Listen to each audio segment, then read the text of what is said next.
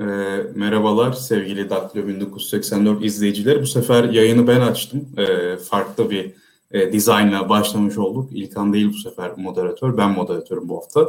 E, konuğumuz Gürkan Çakıroğlu. Kendisi e, hukukçu, yazar. Aynı zamanda Deva Partisi'nin siyaset yapıyor. Halk TV'de de e, yorumlarıyla kendisini görüyoruz. Burak Bilgehan Özbek bugün e, bize kıymetli vaktini ayırdı ama biraz kısıtlı süresi var. İlkan'la birlikte yayını sürdüreceğiz. E, şimdi başlamadan önce yayını beğenmenizi ve paylaşmanızı e, sizden e, talep ediyoruz. E, ve şu an mesela e, şundan girebiliriz bence. E, Cumhuriyet Halk Partisi Genel Başkanı Kemal Kılıçdaroğlu e, bütçe konuşmalarıyla biraz esip gürledi bir fırtına yarattı yani neredeyse. Hemen ardından da Bahçeli'nin açıklaması geldi e, zillet ittifakının tırnak içinde e, Cumhurbaşkanı adayının Kılıçdaroğlu olduğu e, belli oldu dedi. Yani benim ilgimi çeken bir şey var. Son zamanlarda Bahçeli sanki e, Cumhurbaşkanıymışçasına açıklamalar yapıyor. Yani Erdoğan değil de sanki Bahçeli ülkeyi yönetiyormuşçasına açıklamalar yapıyor. Ama bu konuda yorumcular ayrışıyor. Kimisi diyor ki evet e, Erdoğan iktidarını Bahçeli'ye e, borçlu ve Bahçeli bu nedenle e, bu yorumları yapıyor. Yani sistemin sahibiymiş gibi, mekanın sahibiymiş gibi konuşuyor. Diğerleri de diyor ki yani Bahçeli işte e, siyasi kariyerinin son zamanlarına doğru bir fırsat buldu. Kendini sistemin sahibi göstererek şov yapıyor. Her şeyi Erdoğan belirler.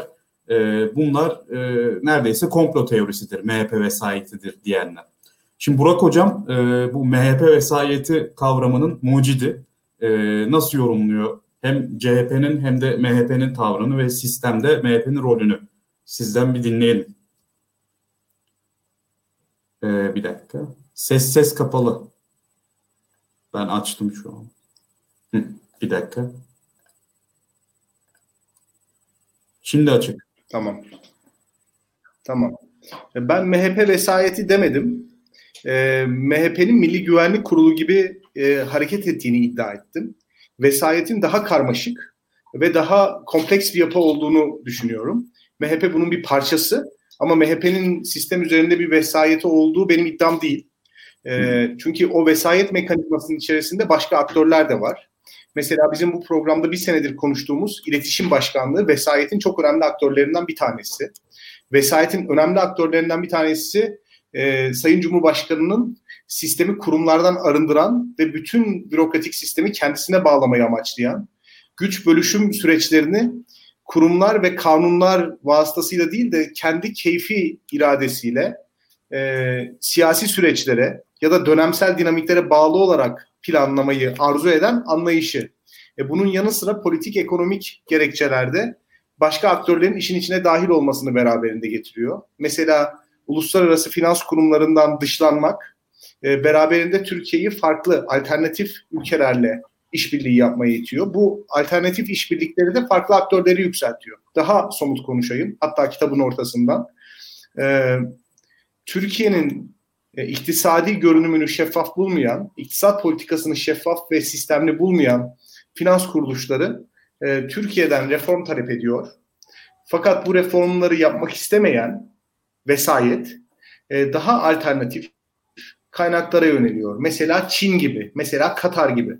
Bu kaynaklar e, Türkiye'de Türk ekonomisini ayakta tutan hale geldikçe bu aktörlü, bu ülkelerin Türkiye'deki işbirliği yaptığı, Türkiye'de yakın olduğu aktörler de vesayet mekanizmasının bir parçası oluyor. Dolayısıyla ben MHP'nin sistem üzerinde bir vesayet kurduğunu iddia etmedim. E, MHP'nin Milli Güvenlik Kurulu'ymuş gibi davrandığını söyledim. Çünkü Türkiye'deki yeni vesayet mekanizması milli güvenlikten çok besleniyor. Tek adam kültü ve milli güvenlik diye iki tane ayağı var aslında bunun.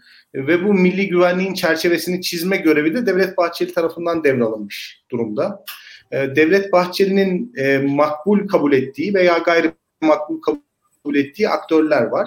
Burada e, tabii çok karmaşık bir konu. Halen daha bu hikaye gelişiyor. Şunu da söylemek gerekir. Eski vesayetin aktörü, ana aktörü e, işte Milli Güvenlik Kurulu'ydu. E, ve Milli Güvenlik Kurulu siyaset dışı bir oyuncuydu. Yani siyaseten kendisini oylatmak, onaylatmak, popüler olmak, meşruluğunu oydan almak gibi bir kaygısı yoktu. Tam tersine Milli Güvenlik Kurulu meşruluğun kaynağıydı zaten. Yani aktörler MGK'ya yaklaştığı ölçüde meşru, uzaklaştığı ölçüde gayrimeşru olurlardı. Ancak e, mevcut e, vesayet mekanizmasının e, açıkça söylemek gerekirse meşruluğunu milli güvenlikten e, almakla birlikte bunu halka onaylatmak gibi bir ihtiyacı da var. Yani bunun da altını çizmek gerekiyor. Tek adam rejimi ya da Erdoğan'ın rolü bence orada başlıyor ya da iletişim başkanlığının rolü orada başlıyor. Milli güvenlik söylemini popülerleştirmek, halkın o milli güvenlik söylemine e, katılması, onun fanatik bir şekilde desteklemesi üzerine bir sistem var. Neresinden bakarsanız bakın mantıksız, tutarsız.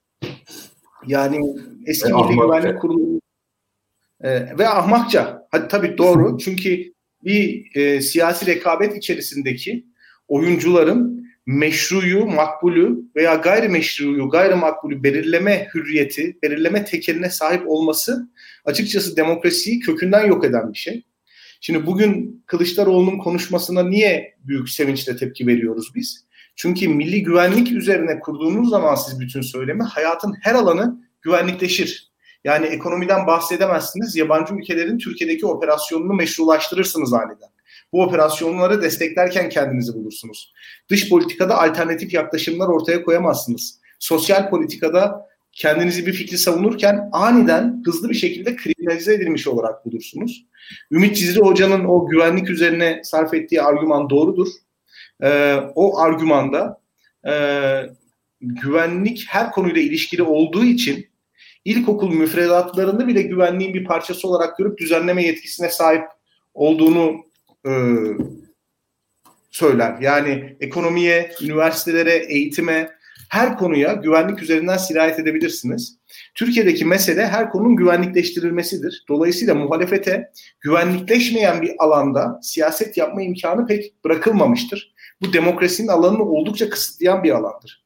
Son zamanlarda insanların muhalefet hareketlerini çevrecilik, e, feminist hareketler ya da onun dışında gelişen ani olaylara verdikleri kitlesel tepkiler üzerinden örgütlemesinin sebebi de budur. Aslında bu hareketlerin çoğu siyasal olarak kısıtlanmış alan alanda e, sıkışan e, muhalefetin ya da Türkiye'deki siyasetsizlik durumunun ürettiği e, tepkilerdir. E, bugün feminizmi savunmak Türkiye'de çok siyasal bir tavırdır. Bugün LGBT haklarını savunmak Türkiye'de siyasal bir tavırdır. Bugün Türkiye'de e, çocuk istismarına sahip çıkmak, son derece istismarına karşı çıkmak son derece siyasal bir tavırdır. Bunlar kısıtlanmış siyaset alanının hayvan haklarına sahip çıkmak e, son derece siyasal bir tavırdır. Kısıtlanmış siyaset alanının getirdiği yansımalar bana sorarsanız. O yüzden bizim her zaman bu programlarda da söylediğimiz bir şey vardı.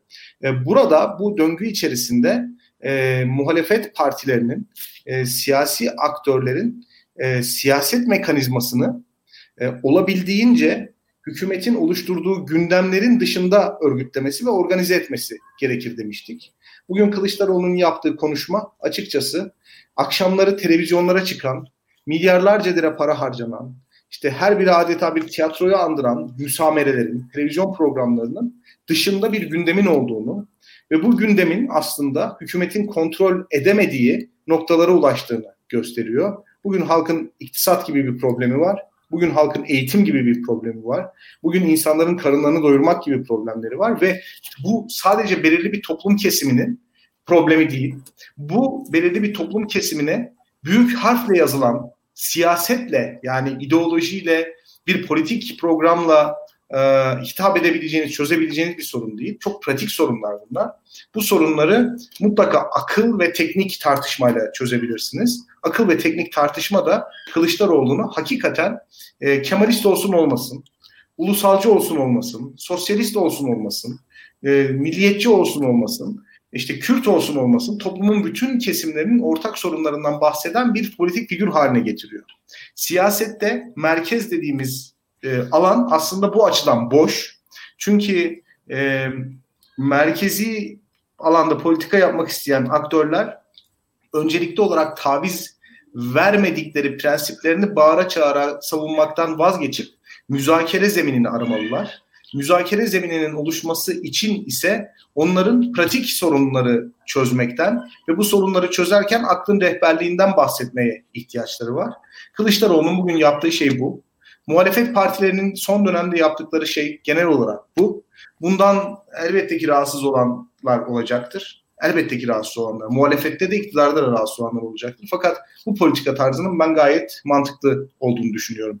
Sorunlara temas eden, sorunları e, halkın gündemini siyasete taşıyan, milli güvenlik dışındaki alanlardan bahseden, her sorunu milli güvenlikle çözmeye çalışmayan siyasetçiler bence önümüzdeki dönemde bu Adalet ve Kalkınma Partisi etrafında kurulan, daha doğrusu şöyle söyleyelim, e, Devlet Bahçeli, Tayyip Erdoğan İletişim Başkanlığı bazı suç örgütleri ve işte bazı uluslararası finans şebekeleri tarafından kurulan, desteklenen vesayet mekanizmasını alaşağı edeceklerdir.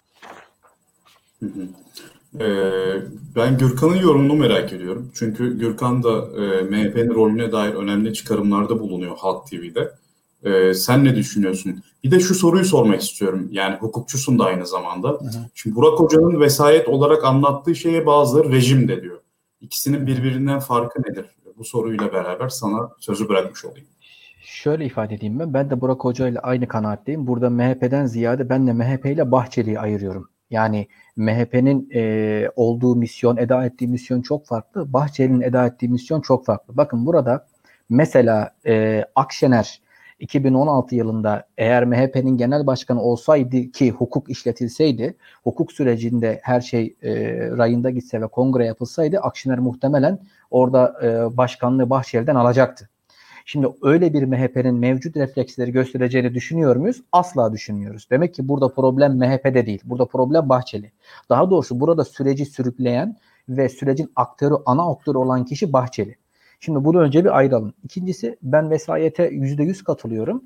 E, ama şu şekilde ben e, askeri vesayetin e, takım elbise giyerek e, şu an e, mevcut iktidarını e, sürdürdüğünü düşünüyorum. Hani o bir 4-5 yıllık bir gerilemenin neticesinde çok daha sert bir şekilde gelerek ve tarihte hiçbir zaman erişemediği bir kuvvete erişti askeri vesayet. Çünkü bizde vesayet işte MGK özellikle bunu 27 Mayıs sürecinde kurularak bu zaten bunu bu amaçla dizayn ettiler. Çünkü bunu dizayn edenler ne diyordu? Siyasete bir şekilde engel olamazsak veyahut da siyasetin yükselişini engelleyemezsek biz bunu bir şekilde yargıyla, askeriye ile, devlet kurumlarıyla hizaya sokabilir veya vakti zamanı geldiğinde müdahale edebiliriz. Ki bunu zaten Türkiye yaşadı. 12 Mart'ı yaşadı, 12 Eylül'ü yaşadı, 28 Şubat'ı yaşadı vesaire.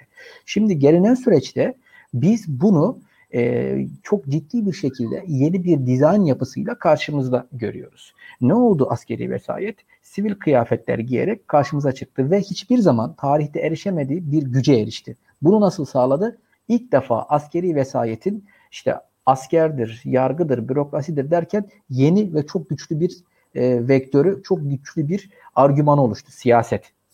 Şimdi siz geçmişin askeri vesayetine siyaseti de angaje ederseniz o zaman işte rejim otoriterden totalitere dönüşür. Zaten ben postmodern bir totaliter rejim yaşıyoruz derken bunu kastediyorum. Çünkü bizim aslında geçmiş rejimimiz yani işte bu 70'ler, 80'ler ve 90'larda yaşanan da aslında otoriter bir rejimdi. Yani bu rejimde e, halktan kopuk ama bürokrasiye, yargıya ve devletin çeşitli kolluklarına hakim bir sistem halka rağmen veyahut da halkın kararına rağmen yönetimde çok ciddi söz sahibiydi MGK üzerinden. Ama şimdi siz siyaseti de bu sisteme angaje ederek bir anda bambaşka bir rejim inşa ediyorsunuz. Vesayet kavramı yerinde ben hocaya yüzde yüz katılıyorum ama vesayetle rejimi de birbirinden ayırıyorum. Çünkü içte geçmiş kavramlar değil. Ve burada önemli olan şey şu. E, bu bu vesayet aslında çok ama çok tehlikeli bir vesayet. Çünkü halkı duygusal olarak manipüle etme gücüne sahip. Geçmiş vesayetin böyle bir gücü yoktu. Ve bunu da mesela muhalefet üzerinden Kılıçdaroğlu konuşacaksak e, beka üzerinden hizaya gelen bir muhalefet söz konusuydu 3 yıldır.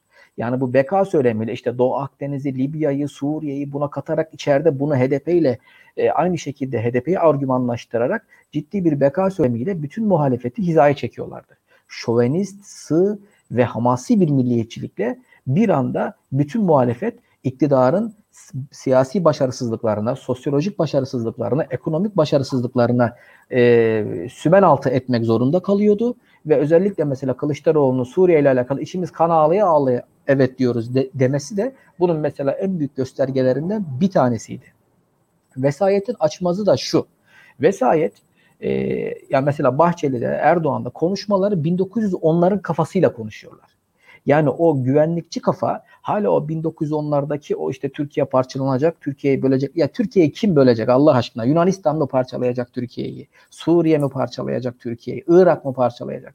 Bunlar çok sığ, çok şovenist, tırnak içerisinde çok lümpen tarzda cümleler ve bunların hiçbir karşılığı yok. Ama ne yapıyorlar?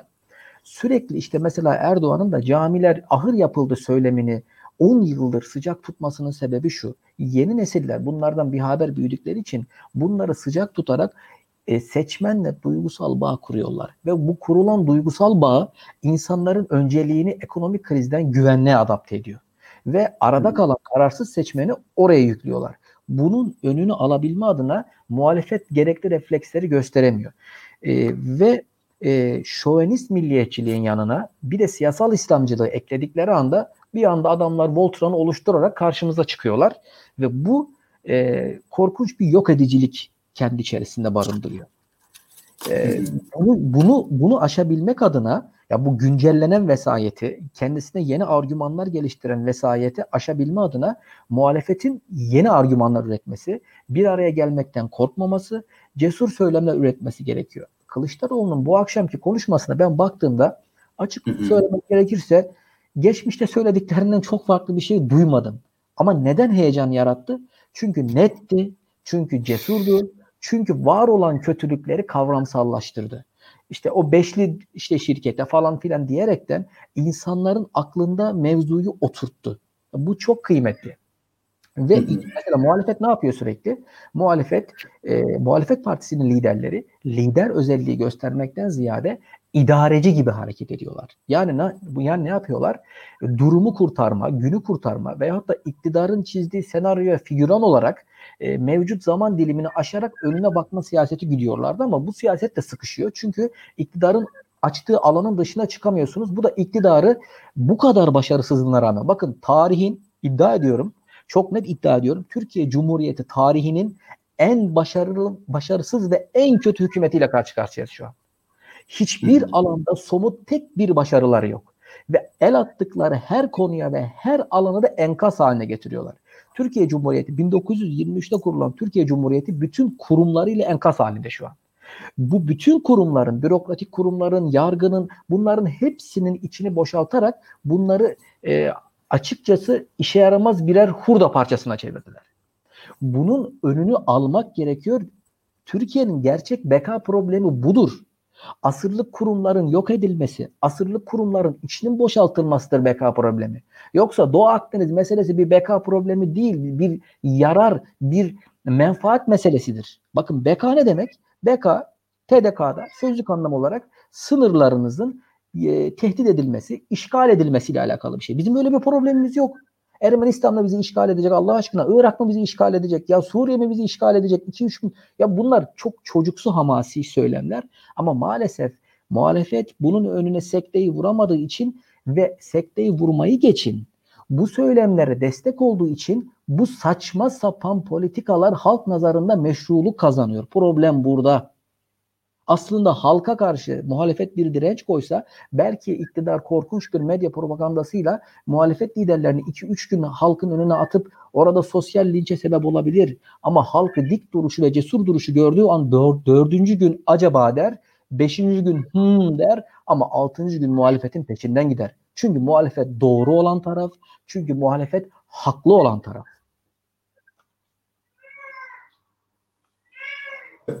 Şimdi e, iktidar son zamanlarda e, reform tartışması başlattı. Burada topu tekrar Burak Bilgehan Hoca'ya vereceğim.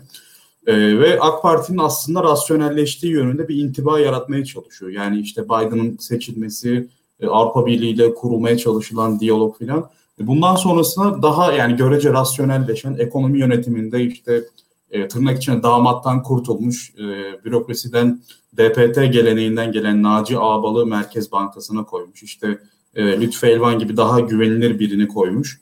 e, bir Erdoğan var karşımızda bir yanda. E, şöyle bir eleştiri geliyor. Mesela Kılıçdaroğlu'nun kamulaştırma söylemiyle e, dış e, aktörleri, işte yabancı finans çevrelerini filan muhalefete yönelik tutumlarında e, böyle daha çekingen bir noktaya sürükleyebileceği söyleniyor. Yani bu bir argüman. Ben böyle düşünmüyorum açıkçası. Sizin ne düşündüğünüzü merak ediyorum. Ee, söyleyeceğim ama öncesinde şu rejim ve vesayet meselesine dair bir şey söylemek istiyorum. Türkiye'nin şu anda bir rejimi yok. Türkiye'nin şu anda bir rejimi yok. Ee, çünkü e, iyi ya da kötü e, dünyada bütün e, devletlerin e, devlet vasfı gösteren yapıların kişilerden bağımsız bir tüzel kişiliği vardır ve onlar e, politikanın sınırlarını çizen bir vesayet mekanizmasına sahiptirler. O mekanizma tutarlı bir mekanizmadır. Çok fazla demokratik meşruluk aramaz. Yani otoriter devletlerde zaten böyle bir mümkünat yoktur. Demokratik devletlerde de anayasa ve anayasanın tanıdığı hak ve özgürlükler çok fazla kamusal tartışmanın bir parçası değildir. Şimdi Türkiye'de dolayısıyla biz bunları demokratik veya otoriter rejimler olarak değerlendirebiliriz. Çünkü siyasetin alanının dar mı yoksa geniş mi olduğunu yasalara bakarak anlayabiliriz. Türkiye'nin rejimi e, şu anda herhangi bir siyaset üstü mekanizmaya, herhangi bir siyaset üstü teminata bağlı değildir. Tamamıyla Sayın Cumhurbaşkanı'nın siyasi ikbaline bağlıdır.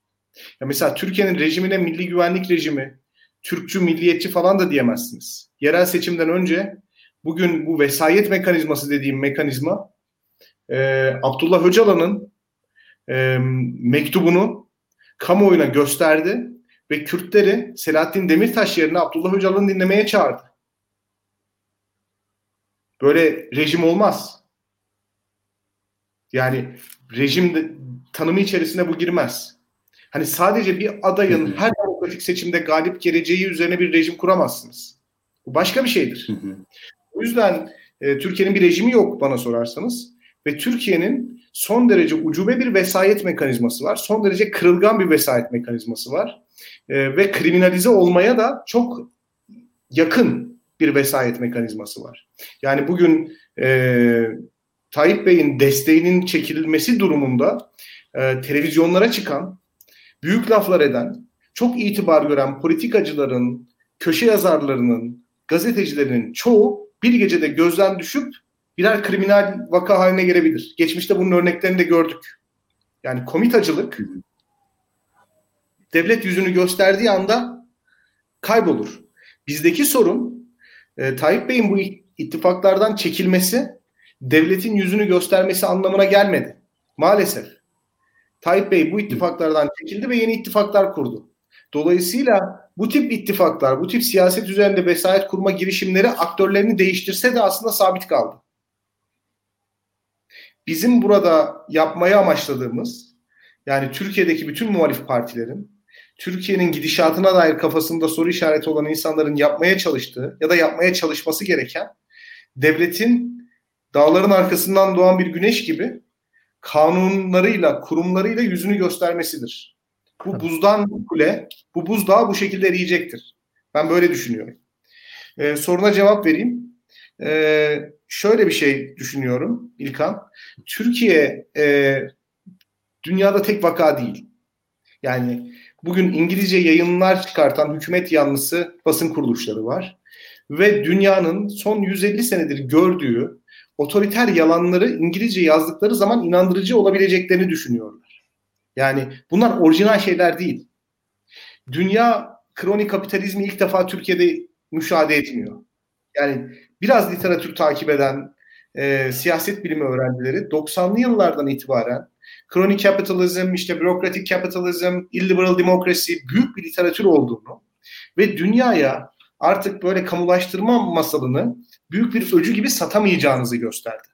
Yani sizin kamulaştırmayı öcü gibi satabilmeniz için burada kurallı, düzenli bir piyasa ekonomisini savunuyor olmanız lazım. Anlatabiliyor muyum? Yani dünya Peru örneğini yaşadı mesela. Yani Peru örneği Fujimoro yani hem piyasacılara hem komünistlere karşıydı. Çünkü freak liderler bunlar. Freak liderler. İşlerine geldiği gibi. Yani birkaç sene reform yaparlar. Reformu pragmatik düzlemde ekmeğini yerler. Daha sonra çok daha beter, kişiselleşmiş, rant ağlarıyla örülü bir sistem kurarlar. Şimdi dolayısıyla Türkiye'deki kamulaştırma hikayesinin uluslararası finansal kuruluşları caydırması için Türkiye'de hali hazırda kurallı, prensipli işleyen bir piyasa ekonomisinin olması lazım. O yok ki kamulaştırma kabusu olsun. Üstelik bugün kamulaştırılacağı iddia edilen mallar işte ya da bu şirketler, bu hizmetler zaten halkın devlet tarafından kamulaştırılmış parasıyla özel kişilerin malı mülkü haline getirilmiş projeler. Yani önce hepimizin cebinde, sivil insanların cebinde olan bir para var. Bu daha sonra zorla vergi olarak alınıyor, kamunun parası haline getiriliyor ve keyfi olarak özel insanların cebine aktarılıyor. Şimdi bu sistem kapitalizm değil. Bu sistem piyasa ekonomisi değil. Dolayısıyla bunun e, çözümü olarak önerilen kamulaştırma gibi tavsiyeler de piyasa ekonomisinin katili ya da piyasa ekonomisinin karşıtı uygulamalar değil. E, hepsini geçtim. Şunu söyleyeyim, hepsini geçtim. Son bütçeye biraz baktığınız zaman Türkiye bütçesinin ne kadar sıkıştığını, faiz ödemeleri, memur ödemeleri ve bu teminat verilen proje ödemelerinden geriye neredeyse hiç para kalmadığını göreceğiz. Yani ulaştırma ahlaki bir tartışmanın, politik bir tartışmanın, iktisadi bir tartışmanın konusu olmaktan da çıkabilir, bir mecburiyet haline gelebilir. Son olarak şunu söyleyebilirim. Çin gibi devletlerin şirketleri vasıtasıyla Türkiye gibi ülkelerde projelere girmesi, ihalelere girmesi, burada bazı şirketleri satın alması da mümkün. Dolayısıyla bugün eğer liberalizm adına, mülkiyet dokunulmazlığı adına her türlü ayrıntıyı es geçip bu kamulaştırma lafına takılırsanız ileride karşılaşabileceğiniz bu Çin gibi, Rusya gibi ülkelerin e, piyasa ekonomisini manipüle ederek etki alanlarını genişletme projelerine de tepki veremez hale gelirsiniz. Burada bitireyim ben. Ee, ben İlkan'ın yorumunu merak ediyorum bu konuda. Ee, bir defa kendi adıma bu hani şu anki Türkiye'deki sistemi yani şu an Türkiye'nin yönetim tarzını e, ben vesayet parantezinde pek algılayamıyorum. Öyle anlatamıyorum. Onu bir söyleyeyim bir defa. Yani ben o konuda ayrışıyorum. E, ama genelde yapılan yorumlara katılıyorum. Ama ben buna bir şekilde vesayet diyenlerden diyeyim. Zaten Bilgehan orada kendini daha açtı. Açtıkça daha çok katılıyorum. Öyle söyleyeyim. Çünkü evet. hani vesayetin ben kökeninin nispeten daha olumlu bir köklere sahip olduğunu sonrasında bozulduğunu düşünüyorum. Hani e, bu rejimde şu an hiçbir şeyin olmadığını söylüyorum. Hatta e, Bilgehan çok güzel anlattı. Türkiye'de yani e, Türkiye'de zaten demokrasi yok. Yani otoriter e, bir demokrasi, rekabetçi otoriteryenizm falan bence Türkiye şartlarında o bile iyimser kalıyor. Yani e, Gürkan Bey totaliterliğe kadar gitti. Bilgehan rej, Türkiye'de rejimi yoktur dedi. Ya bazen düşünüyorum hakikaten e, işte en sonuna getiriyoruz tek adam rejimi diyoruz. Ya çalışan bir tek adam rejimi olsa bakanın istifasını 26 saat boyunca haber haberdar olurduk en azından. Yani en azından tek adam rejimi düzgün işlese bari ya bari tek adam rejimi düzgün işleseydi Türkiye'de Berat Albayrak'ın istifasından haber, do- doğru düzgün haber alsaydık. Yani tek adam rejimi kaliteli bir şekilde işlese biz Berat Albayrak'ın nasıl istifa ettiğini, neden istifa ettiğini ve o ya Türkiye 26 saat bakansız kalmazdı. Yani düzgün bir tek adam rejimi dahi yok şu an Türkiye'de. Türkiye'de biz şu an tek adam rejimi varmış gibi yapmaya çalışıyoruz. Çünkü elde hiçbir şey kalmadı. E, ve burada Türkiye'de kalan şeylerde bir tek adam rejim varmış gibi bir imajın peşinde koşturuyorlar. Ya Türkiye'de yaşanan şey bu. Çok kötü durumdayız. Gerçekten.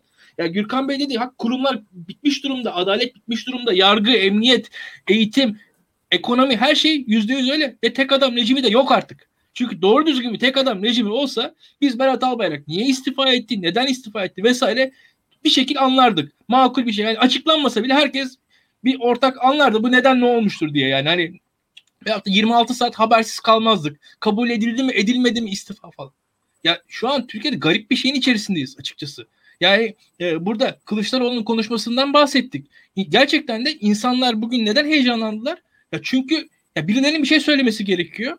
Söylenecek şeyler çok da e, bir hani roket bilimi değil. Çok karmaşık da değil ama bu söylenen şeylerin net bir şekilde söylenmesi gerekiyor şu an Türkiye'de. Bunu net bir şekilde söyle, birbirleri söylediği anda da insanlar onun arkasına geliyorlar. Ya burada olan bir tane şey budur. Türkiye şu anda gerçekten zor durumdadır. Ee, bu rejimin e, tanımları için tartışılabilir.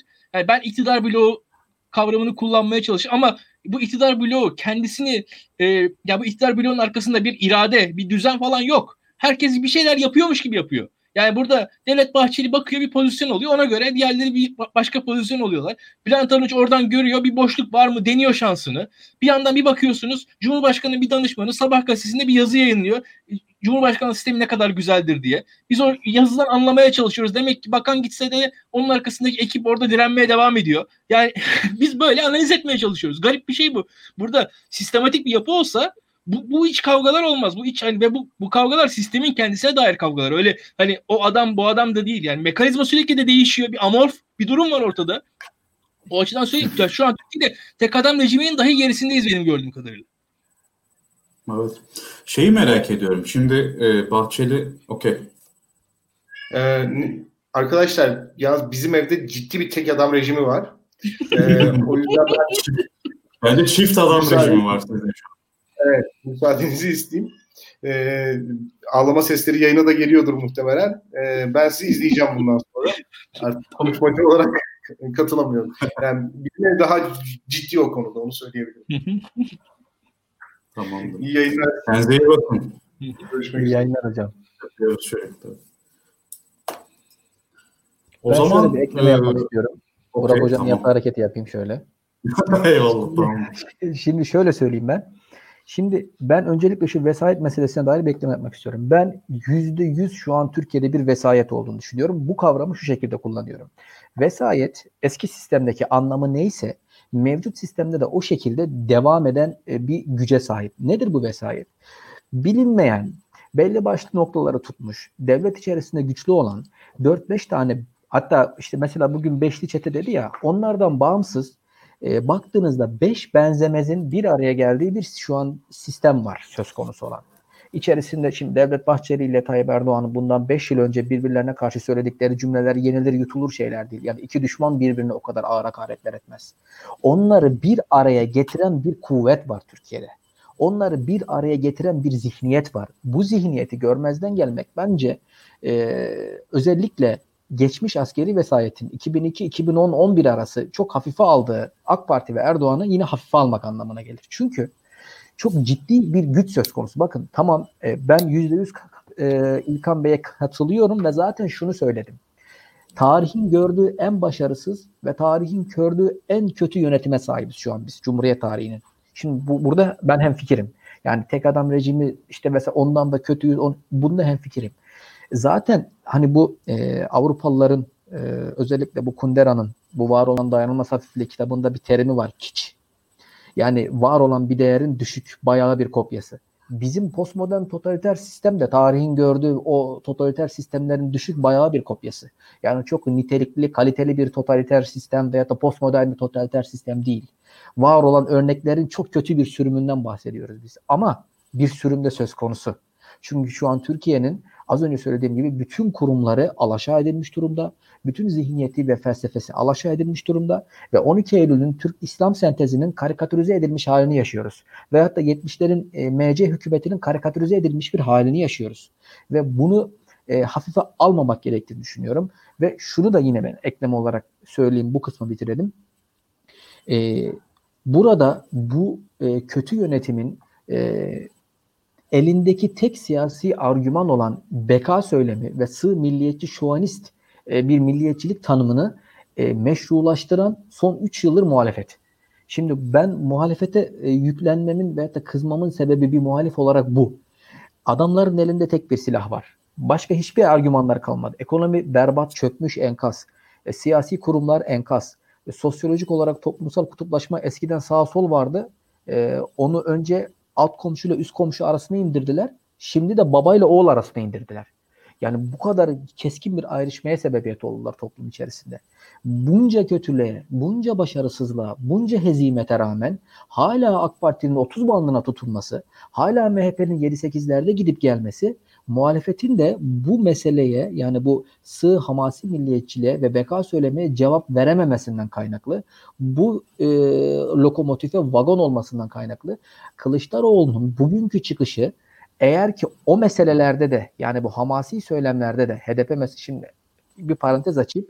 Biz HDP ile asla bir anayasal e, görüşme, anayasa görüşmesi yapmadık. Asla böyle bir şey söz konusu olamaz gibi bir çıkış İyi Parti'den ve CHP'den aslında hala iktidarın bu söylemine yenildiklerinin göstergesi. Ve bugünkü esip gürleme, parlama elbette anlamlı, kıymetli ama esas esip gürlenecek bakalım vakti zamanı geldiğinde ne olacak? E, bu tarz beka söylemlerinde yine hizaya mı gelinecek? İçleri kan ağlayarak yine bazı şeylere boyun mu eğecekler? Yoksa dik duruş gösterip halka alternatif biziz, doğru olan biziz. Bakın iktidar aslında bu sığ milliyetçilikle sizin duygu yüklü olan milli ve dini duygularınızı çok kendinize severek inandığınız milli ve dini duygularınızı sömürüyor. Bu duygularınızı istismar ederek cebinizdeki parayı, evinizdeki huzuru ve kafanızdaki düşünceleri çalıyor diyebilecek mi? Bunu diyebildiği an muhalefet iktidar bir anda yerle yeksan olur. Hiç endişe etmesin. Çünkü tek açmaz, tek kilit nokta şu an bu kaldı. Bu çok önemli. Bunun üzerinde çok durmak lazım ve bunun üzerinden yeni bir şeyler üretmek gerektiğini düşünüyorum. Ben açıkçası bu konuda biraz da e, tekil örnekler üzerinden ilerlememiz gerektiğini düşünüyorum. Mesela Ayasofya konusunda muhalefet ses çıkarsaydı bence muhalefetin hiç de lehine olmazdı. Çünkü Ayasofya konusunda ses çıkardığınızda siz e, bitireyim. E, hı hı. Yani tüm Türk İslam ülküsünü siz karşınıza koyuyorsunuz. Batılıların yanında oluyorsunuz. Zaten e, bu konuda mimlisiniz yani işte e, HDP ile birliktesiniz günün sonunda yani hı hı. HDP ile birlikte olunca işte siz zaten Batı'nın uzantısı gibi algılanıyorsunuz. Yani normalde şimdi Kemal Kılıçdaroğlu mesela Tunceli'de doğmuş büyümüş Ankara'da memur olmuş hayatını e, bir şekilde devlet memuru yani müdür olarak tan- tanımlamış normal sıradan bir Türkiye Cumhuriyeti vatandaşı olarak Cumhuriyetin şu an çocuğu. Yani Cumhuriyet'in çocuğu. Şu an merkez sağ seçmenin gözünde bir şekilde şeytanlaştırıldı.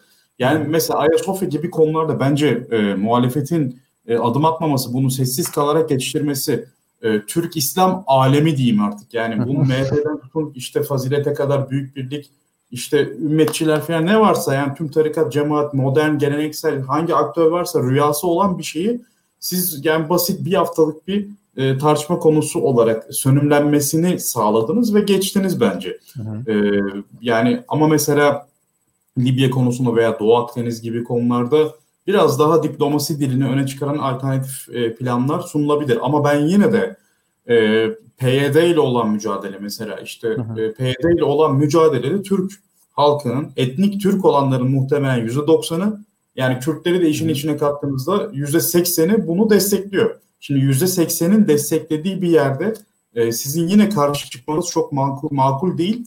Bir de olayın kısmen e, bir reel tarafı da var. Yani sonuçta güney sınırında e, PKK'nın savaşçıların içinde savaştığı bir yapının hakim olmasını bir şekilde istemezsiniz. Bunu da halka anlatabiliyor.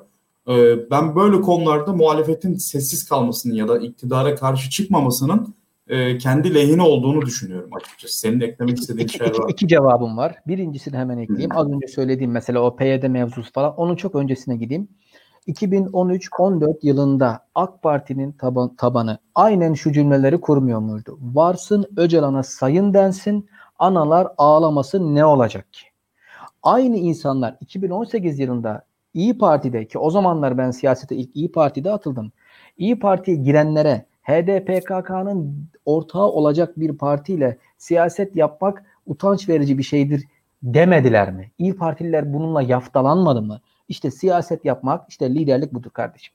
Yani siz 2013'te şimdi siz halka anlatırsanız Suriye meselesinin, Libya meselesinin ne olduğunu, halkı şimdi siyaset halkı ikna edebilme meziyetidir. Şimdi illa Ayasofya meselesinden somut örnekten yine devam edeyim. Bir somut örnek verdim, ikincisini veriyorum. Ayasofya meselesinde ben zaten şunu söylemiyorum. İktidarın her siyah dediğine beyaz din demiyorum. Bu ahmaklık olur. Eskiden mesela 2002, 2011, 12 arası CHP iktidarın söylediği doğruysa bile hayır diyerek veyahut da konuyu sürekli AYM'lere taşıyarak e, yani e, insanları e, kendisinden soğutan bir e, figüre dönüştü, nesneye dönüştü. Ama şu an içinde o zaman e, itiraz edilen muhalefetliğin kendisi değildi. Muhalefet ediliş tarzıydı. Şu an siz siyaha beyaz demek zorunda değilsiniz. Yani Ayasofya hayır kardeşim Ayasofya açılmamalı demek zorunda değilsiniz. Buna sert bir muhalefet yapmak zorunda değilsiniz ama e, gri'nin 40 tane 50 tane tonu var. Siz bir şeyler üreterek de yani Şimdi bir insana ya defol git başımdan demek vardır. Bir insana ya yanından uzaklaşır mısın demek vardır. Şimdi siz e, daha kibar bir dille topluma tane tane anlatarak Ayasofya açılabilir ama açılmasının şu şekilde sakıncaları olabilir. Toplumsal olarak şu şekilde, dini olarak bu şekilde. Şimdi benim evimde kıldığım iki rekat namazla Ayasofya'da kıldığım iki rekat namaz arasında Allah katında bir fark yok ki kardeşim. Ve Peygamber Efendimiz hiçbir zaman fethedilen hiçbir yerdeki ve ondan sonra gelen halifeler, dört büyük halifeden bahsediyorum ama onların hiçbirisi fethedilen yerdeki bir kiliseyi camiye çevirmemiş ki kardeşim. Yani bunun İslam literatüründe de yeri yok ki kardeşim.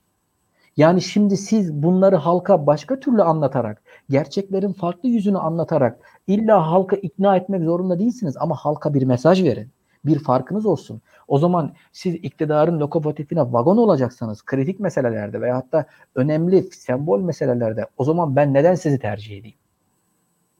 Benim buna bakış açım bu. Dediğim gibi siyaha beyaz demek zorunda değil muhalefet. Kutuplaşmayı keskinleştirmek zorunda değil. Tam tersi kutuplaşmayı eritmek zorunda. Çünkü iktidar devasa iki buzul yaratarak halkı o buzulların içerisinde hapsetti. İnsanlar kımıldayamıyorlar. Çünkü kımıldadıkları anda bir darp edileceklerini düşünüyorlar. Ama muhalefet bu buzulları eriterek oradaki vatandaşlarımızı bu esaretten kurtarmalı, kurtulmalı. Bunun için de ne yapmalı? Halka net mesajlar vermeli. AK Parti'nin o %35'lik kesiminin en azından bir %20'si ben çok rahat bir şekilde merkez sağa çekilebileceğini düşünüyorum. Tarihten, geçmişten zaten geldikleri yer orası. Bunu çekebilmek için de onları ikna edebilmek için de yeni söylemlerle arkasında duracağınız net söylemlerle iktidarın oyunlarını bozmanız, siyasi söylemlerinin içinin boş olduğunu göstermeniz lazım. Allah aşkına çok uzatmadan bir şey daha söyleyeyim. Şimdi bunlar vatan millet Sakarya milliyetçilik diyorlar ya. Uygur Türklerine gıkları çıktı mı? Uygur Türklerine ses, ses söyleyebilirler mi? Çinli olan o az önce Burak Hoca'nın bahsettiği ticari ilişkilerden kaynaklı olarak. Ne oldu bizim milliyetçiliğimiz? Ne oldu bizim işte Turancılığımız? Bunların milliyetçiliklerinin de İslamcılıklarının da menzili çıkarlarının başladığı yere kadar. O da gölgelerinin uzunluğunu geçmiyor. Şimdi bunu görüp bunu halka anlatıp söylemeniz lazım. Milliyetçilik öyle olmaz. Bugün Türk genciliğin Türk gençliğinin neredeyse özellikle çok zeki tabakanın neredeyse %50'den fazlası yurt dışında yaşamaya gidiyor. Şimdi esas milliyetçiysen sen bunu dert et. Bu vatan evlatları neden bu kadar zeki evlatlarını bu memleket kaybediyor? Sen buna dertlen. Ayrıca ben ne, ben niye HDP'nin mesela şeytanlaştırılmasına ben müsaade ediyorum?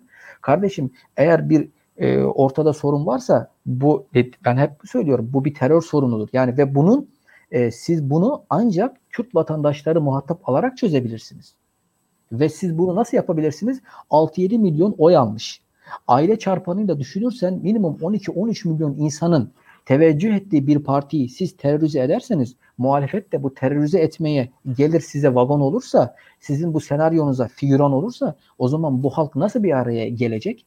Bizim 1921'i saymazsak o da Cumhuriyet'in kurulduğu 23'ten önce hiç anayasamız olmamış bizim. Anayasa toplumsal sözleşmedir.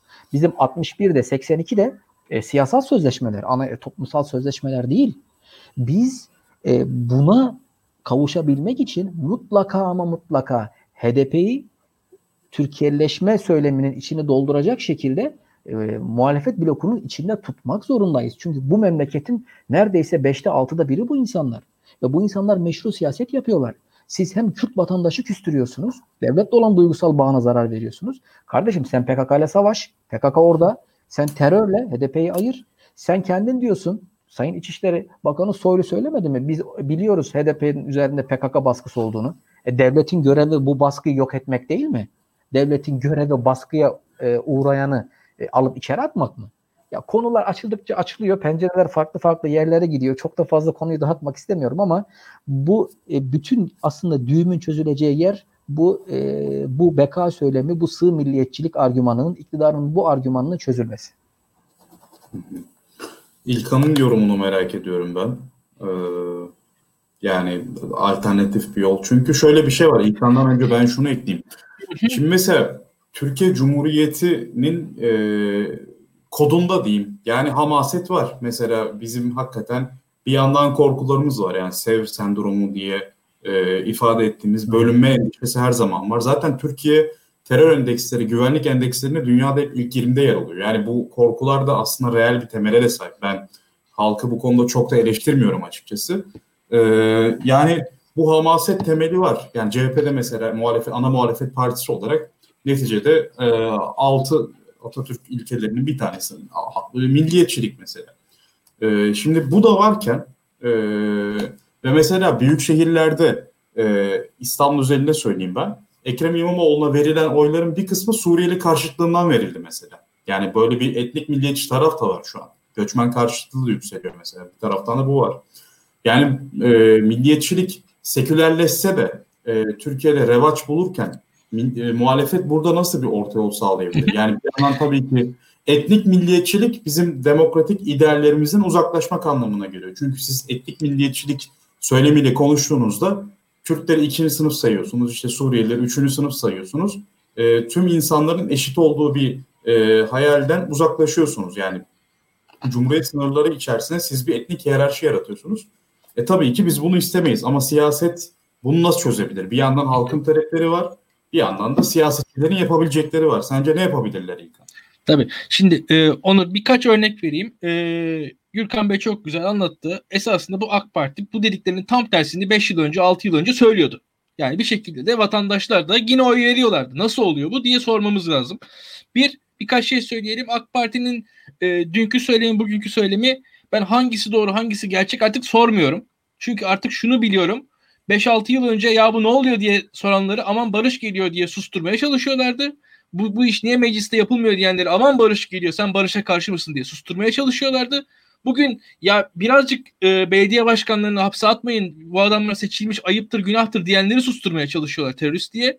Bugün aslında sabit olan bir şey var susturmaya çalışıyorlar. Bir. Devam edelim. AK Parti peki neyi iyi yapıyor? Şöyle böyle biz şu an neredeyiz? YouTube kanalında yayın yapıyoruz. 250-300 kişiye ulaşmaya çalışıyoruz canlı olarak. Şimdi bakalım bu yayın 5 bin 10 bin kişiye ulaşacak diye umuyoruz. E bu bakın baktığımız zaman bizim muhalefetin eksikliği sınırı burada. Yani biz bir defa insanlara ulaşmak zorundayız.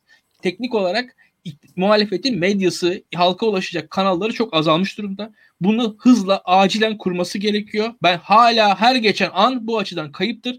Türkiye şartlarında burada e, şöyle söyleyeyim adil bir oyun oynanmıyor. Bu adil oyun oynanmadığı kabul edilerek bu adil oyun oynanmıyorsa oyunun kuralları neyse o kurallara göre bir şekilde muhalefetin bir araya gelmesi gerekiyor. Yan yana gelmesi gerekiyor. Medya kurması gerekiyor. Ve şunu da söyleyeyim muhalefet adına yayın yapanların daha başarılı olması gerekiyor. Daha iyi iş yapmaları gerekiyor. Daha fazla belki çatışmaları gerekiyor. Ha, birazcık daha da ileri gideyim. Türkiye'de doğru demokrasi yok, adalet yok, hukuk yok.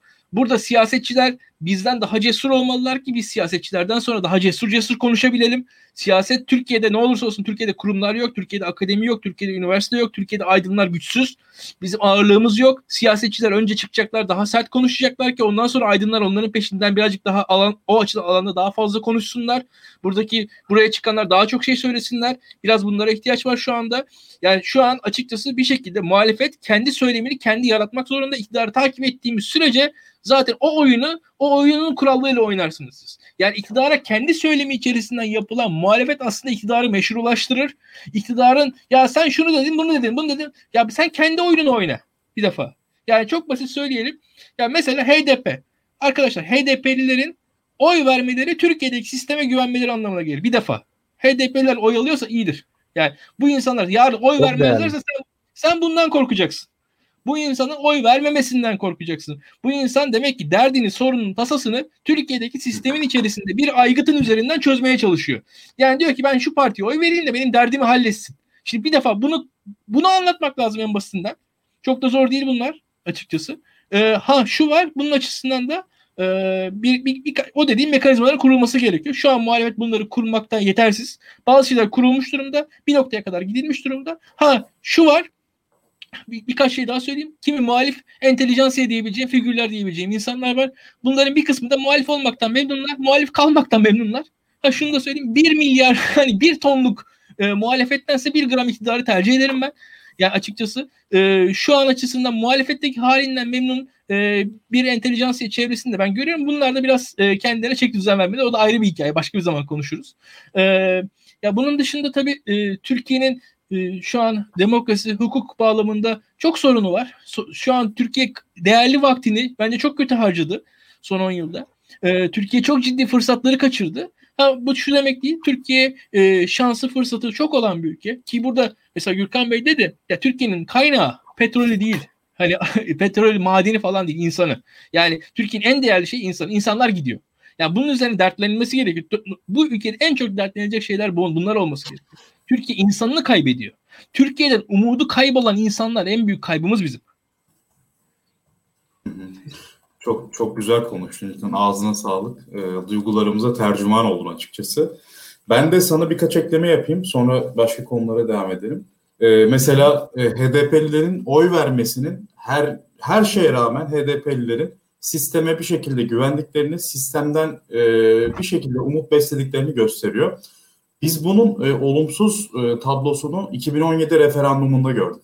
Şimdi bazı e, milliyetçi muhalefet e, arkadaşlar şunu söylüyorlar. Siz niye işte Demirtaş'ın özgür kalmasını savunuyorsunuz? Şimdi işin hukuk, demokrasi kısmını bir yere koydum. E, Demirtaş 2016 Kasım'da e, tutuklandı. Yani gözaltına alındı ve tutuklandı. Sonrasında referandum gerçekleşti 2017 Mart ayında. E, o zamana kadar Demirtaş herhangi bir kampanya yürütemedi. E, referandumda da evet çıktı. %51 ile çıktı ama nasıl çıktı? Nasıl çıktı kısmını inceleyince bizim karşımıza Doğu illeri çıkıyor. Bazı illerde katılım %70'i bile bulmadı. E, katılım %70, 70'i bulmazken sandığa gitmeyenler ise hayırcı olmaya yatkın kesimdi. Mesela baktığınızda Diyarbakır gibi HDP'nin 2015'te %80 alabildiği bir yerde evet oyları %40'a yaklaştı. Şimdi Demirtaş hapse atılmamış olsaydı, oralarda hayır kampanyası yapmış olsaydı belki de Doğu illerinde katım onar puan katılım onar puan daha yüksek olacaktı. Onar puan daha yüksek olsa, olmasıyla birlikte bu ucube başkanlık sistemi belki de hayır çıkacaktı referandumda. Ve biz bu e, yoksullaşmayı, bu kadar keyfileşmeyi yaşamayacaktık. Yani mesela Rahip Brunson krizinden ötürü dolar bir anda 7.25 oldu. Türkiye ekonomisi alt üst oldu. Yani Erdoğan'ın anlık bir kızgınlığı bizi buralara getirdi. İşte damat tercih mesela sorgulanamadı bile. E, damat tercih edilince dış piyasalar bir şekilde e, Erdoğan'a güvenmedi. Tam Trump'la bir ilişki kurdu filan ama Trump'ın gideceği de belliydi yani az çok. E, dolayısıyla burada muhalefetin tüm aktörleriyle birbirine sahip çıkması ve pragmatik olarak bunu da e, kendinde meşru görmesi bence gerekiyor. Bu çok önemli bir mesele. E, ben şuna getireyim. Şimdi muhalefet aktörlerin birbiriyle ilişkisini konuştuk ya bana şu soruluyor. Şimdi mesela bugün CHP kamulaştırmaya yönelik bir çıkış yaptı. E, bu beşli çete olarak addedilen isimlerini de sayayım ben onların. Hemen bir dakika. E, ben isimlerini unutuyorum da beşli çetenin üyelerinin e, hemen geliyor. Bunları saysana sen bak Cengiz MNG. Abi şimdi dava falan açılacak bana. Neyse işte. E, saymayalım. Şimdi beşli çete bahsinin e, yani bunlara verilen projelerin, bunlara yolcu ve hasta garanti edilerek verilen projelerin e, kamulaştırılmasına yönelik destek yüzde 65'i buluyor Türkiye'de metropol araştırmasına göre. E, şaşırtıcı olan şey şu AK Partilerin yüzde 59'u MHP'lerin de yüzde 60'ı e, bu muhalif argümanı destekliyorlar. Ondan da, onlar da kamulaştırmayı istiyorlar. Ee, yani HDP ve CHP seçmenlerinde İyi Parti zaten bu %70'leri aşıyor. Ama merak edilen şey şu. Devacılar ne diyor bu konuda? Yani çünkü şimdi devacı imgesi şöyle bir şey. E, liberalleşmeyi, özel sektörü, e, dış piyasalardan yatırım ve finans çekmeyi e, neredeyse kutsal olarak gören böyle e, sermaye dostu bir parti olarak algılanıyor e, Deva Partisi. Şimdi Gürkan e, sen Deva Partisi siyaset yapan biri olarak bu konuda nasıl değerlendiriyorsun? Tüm muhalefet partileri bu söylemde birleşiyor muhtemelen. Deva ne yapacak? Yani Deva'nın söylemi nedir? Veya onlar bir açıklamada bulundu mu bu konuda? Ya şöyle spesifik bir meseleye girmeden önce genel bir tablo çizeyim ben Deva ile alakalı olarak. Ondan sonra da bu spesifik meseleye değiniriz. Şimdi Deva ile alakalı bir algılar var. Ee, bir de bazı gerçekler var. Mesela algıda e, tabii bazı söylemler de bunu besliyor olabilir ama işte Deva Partisi işte ideolojik olmayan e, veyahut da işte kimliksiz bir parti olarak addediliyor veyahut da işte hani bunlardan kaynaklı karşılarında insanlar tam bir karakter göremiyorlar. Şimdi partilerin de karakterleri var. E, karaktersiz bir yapıda değil Deva Partisi. Aslında Deva Partisi e, ideolojileri kendi potasında eritmeye çalışan yani ideolojisiz değil ideolojileri mevcut Türkiye'nin farklı farklı ideolojilerini kendi potasında eritmeye çalışan bir parti. Çünkü ideoloji de hani paraya dair bir örnek vardır ya hani sen paraya sahip ol para sana sahip olmasın diye. E, ideoloji olarak da sen ideolojiye sahip ol ideoloji sana sahip olmasın. Bakış açısının ben ideoloji e, ideoloji açısından da kıymetli olduğunu düşünüyorum. Çünkü ideolojinin e, keskinleşmesi insanın gözünü ve muhakeme yeteneğini kör eden bir şey. Deva buna karşı ama ideolojilere karşı değil. Bu yüzden de devanın içerisinde e, Türk milliyetçiliğini destekleyen veyahut da e, Kürt e, kimliğiyle ön planda olan veyahut da Alevisi, Sünnisi vesaire Türkiye'nin çok e, farklı kimliklerdeki yapısını e, o Türkiye mozaiğini bir araya getirmeye çalışan bir yapı kurmaya çalışıyor. Bu aslında aşırı zor bir şey Türkiye'de. Özellikle şu mevcut dönemde. Öncelikle bir bunu söylemek isterim ben. Yani Deva Partisi'nin içerisinde çeşitli ideolojiler de var. Deva Partisi'nin içerisinde çeşitli kimlikler de var. Sadece Deva Partisi'nin yapmaya çalıştığı ideolojilerden ve kimliklerden ortak bir akıl üretme gayreti. Bu zor, kıymetli, meşakkatli ama çok değerli bir iş. Diğer meseleye gelirsek e, hani o spesifik bir mesele. O meseleye dair şu an hani partinin ekonomi birimleri bir şey söylemeden benim söylemem doğru olmaz ama genel partinin bakış açısı şunu söylüyor. Eğer bir şey yapacaksak, e, bir eylem yapılacaksa bunu hukukun çizdiği sınırlar içerisinde yapılması gerekiyor. Bu nedir?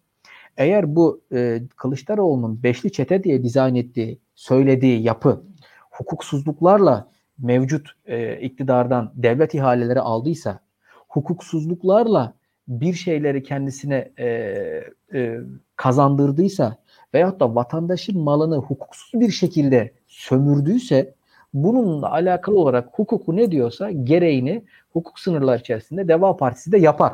Ama bunun adını koymak için de öncelikle bu muhalefetin e, dediğim gibi bir araya gelip mevcut iktidarı oradan alaşağı etmesi gerekiyor. Bu çok sonraki bir aşama. Ve mesela esas e, sınanma, sınanacağı gereken, e, sınanması gereken yerlerden bir tanesi diyeyim Deva Partisi'nin. Ve sınanacağı yer az önce söylediğim o e, beka söylemine karşı e, karşı karşıya kaldığında buna göstereceği refleks. Yani benim için bu az önce Kılıçdaroğlu'nun beşli çete söylemine devanın vereceği yanıt açıkçası beni çok ilgilendirmiyor. Çünkü ona çok rahat günlük bir refleksle siyasi bir söyleme cevap verilebilir. İşte evet denilebilir işte veyahut da işte az önce söylediğim gibi hukuk sınırları içerisinde denilebilir.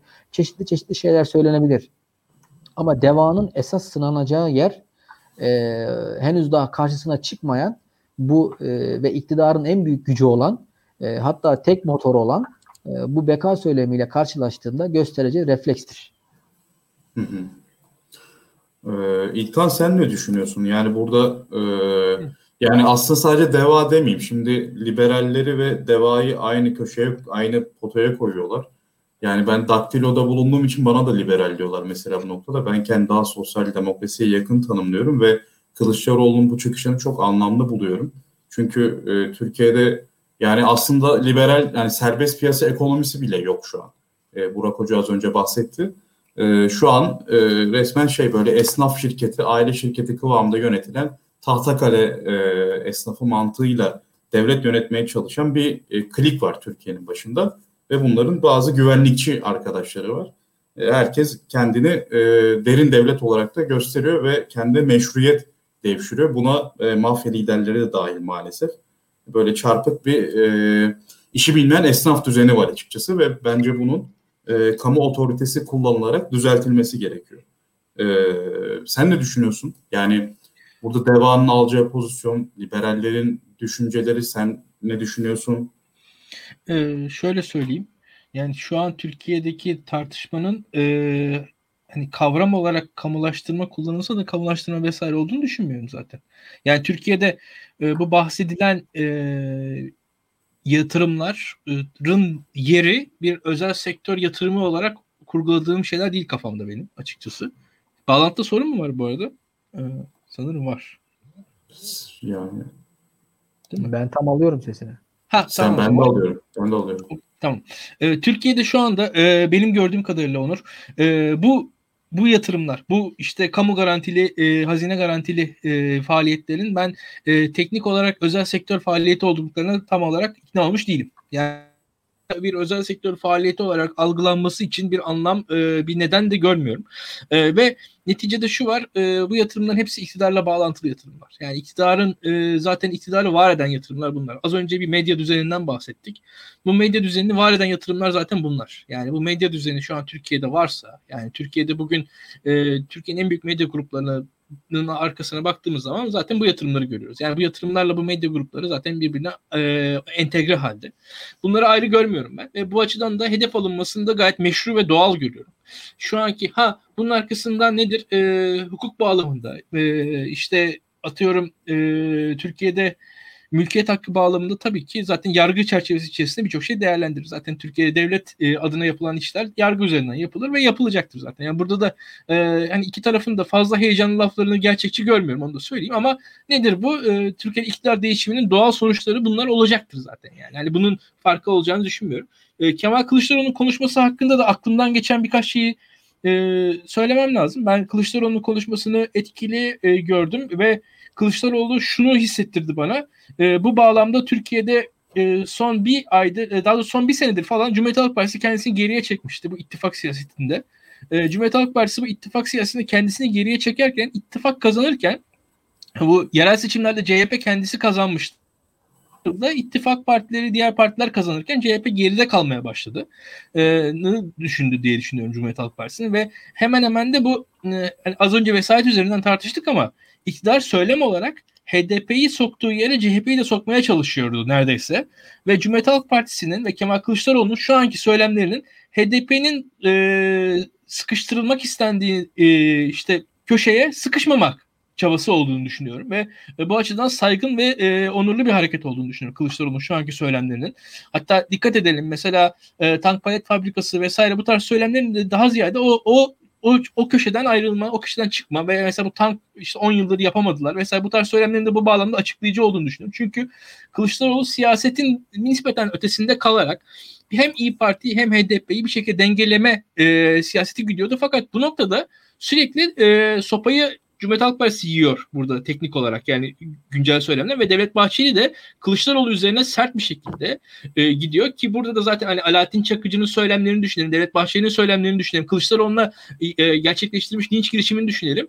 E, buradaki e, ve hani orada bu şu an mahkemesi olduğunu belki Gürkan Bey takip etmiştir. Yani orada e, mahkemedeki söylemler, mahkemenin kuru, e, işte hangi mahkemede davanın görüldüğünü düşünün, o mahkemedeki e, sanıkların ifadelerini düşünürseniz falan Kılıçdaroğlu'nun bir şekilde sıkıştırıldığı gözüküyor ve e, Cumhuriyet Halk Partisi HDP muamelesini kabul etmediğini bence şu an söylemiş durumda. Bir şekilde bu perdeden ifade etti ki yakın zamanda bakarsanız işte birkaç Cumhuriyet Halk Partili belediye başkan yardımcısı, belediye başkanı falan görevden de alındı. Bunlar da bence tesadüf değildi. Ya bilmiyorum hani oradaki hukuki süreçler tam olarak nedir ama bu, bu bağlamda CHP'de e, böyle bir hareket var.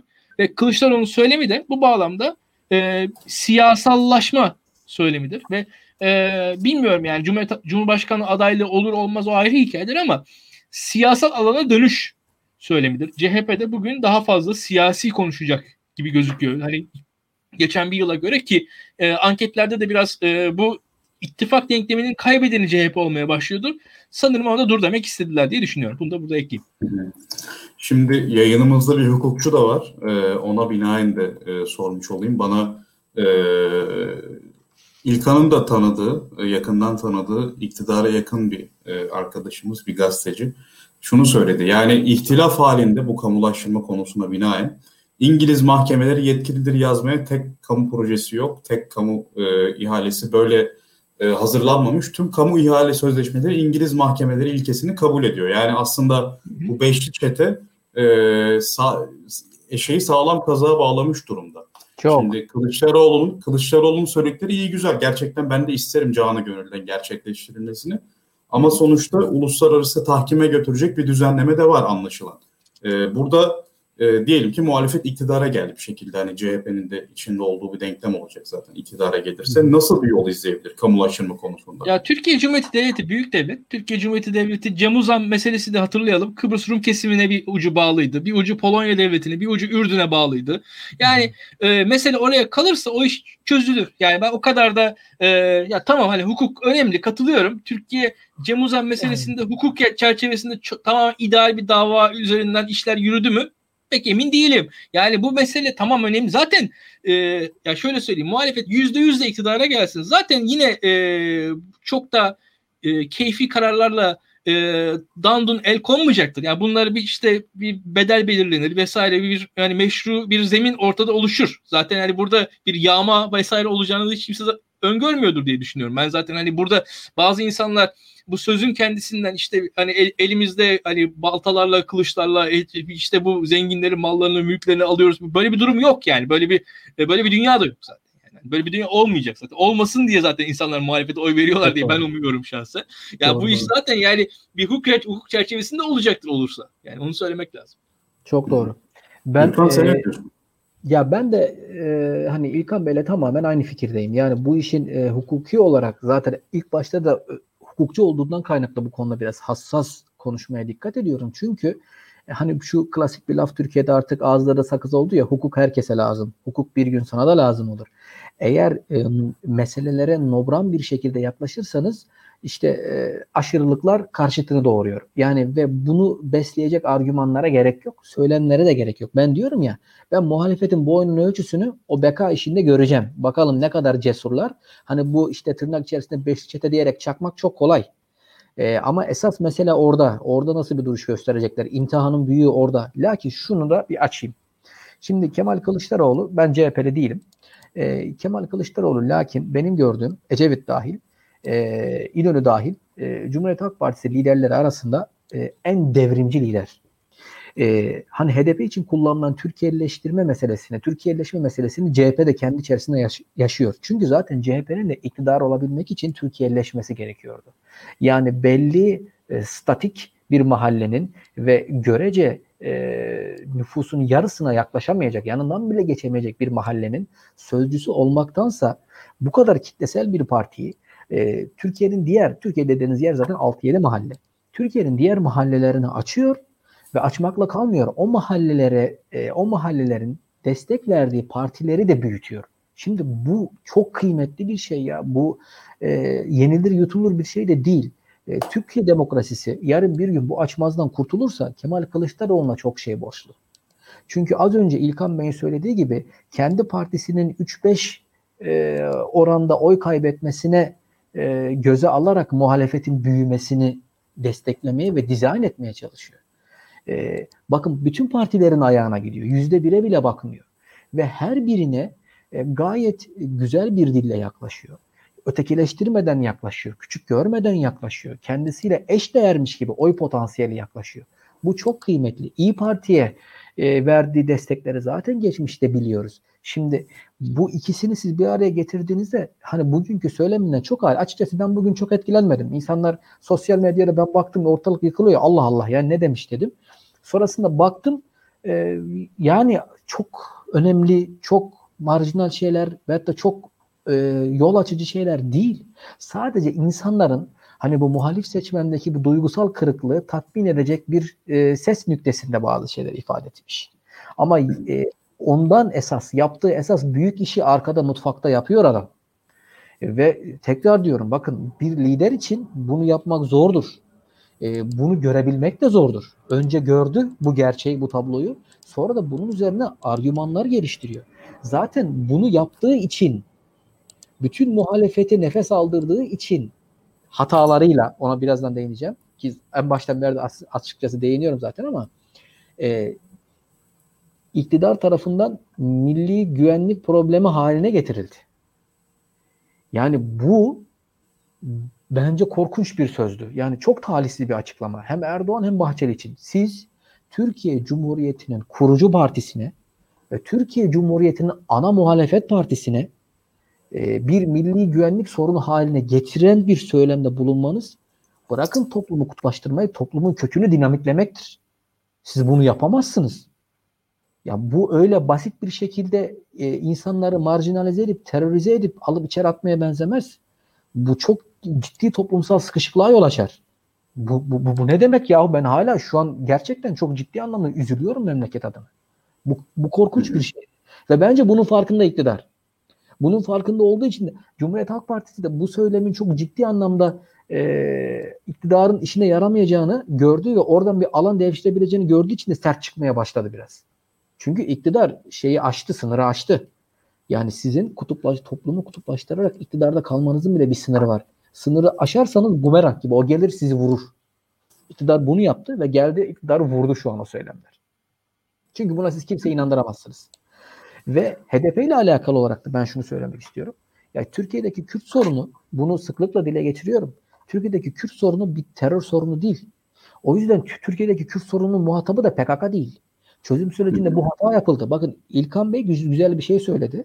İlk kısımda barış barış diyorlar dedi. Ondan sonra sürecin geldiği yeri gördük dedi. Şimdi zaten mesele savaş barış meselesi değil. Mesele hak ve özgürlükler meselesi. Mesele hukuki bir mesele. Babacan'ın da altını çizdiği gibi devletin muhatabı Kürt vatandaş. Eğer o şekilde hareket edilseydi ki bu şekilde hareket etmek aslında daha zor ve daha rasyoneldir ve daha realisttir. Diğeri yani sadece işte belli başlı insanların, belli başlı figürlerin arkasına sığınarak yapılan işlemler maalesef karşıtlarını doğurabilir. Veyahut da kendi içinden bir açmaza sürükleyebilir süreci. Çözüm süreci aynen buna gitti. Ve başladığı yerden çok daha kötü bir noktaya getirdi sorunu. Ne diyorlar Diyarbakır'a ben gittiğimde oradaki vatandaş? Yahu arkadaş diyor keşke hiç olmasaydı. Bizim eskiden bu sorunun çözüleceğine dair bir umudumuz vardı. Bizi aynı bir koş gibi gökyüzüne çıkarttılar ve oradan yere çaktılar diyor adam. Aynen kurduğu cümle bu. İnsanların umutlarını çalmaların çalmanın bir anlamı yok. Bakın e, esas tehlikeli olan duygusal kopuştur. Bu çok tehlikelidir.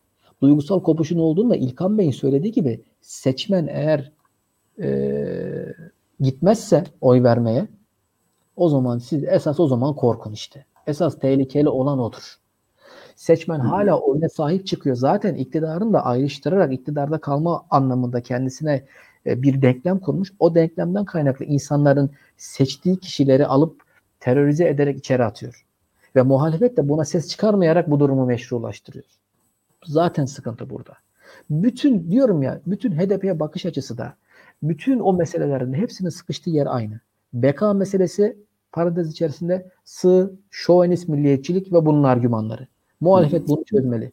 Mesela Babacan'ın peki, tamamlamaya Peki ben, ben, ben, ben tam burada bir soru sorayım. Ben tam burada bir sorayım. Şimdi e, gazeteci bir dostumuz siz de tanıyorsunuz. Bana demiş ki şu soruyu sorar mısın lütfen?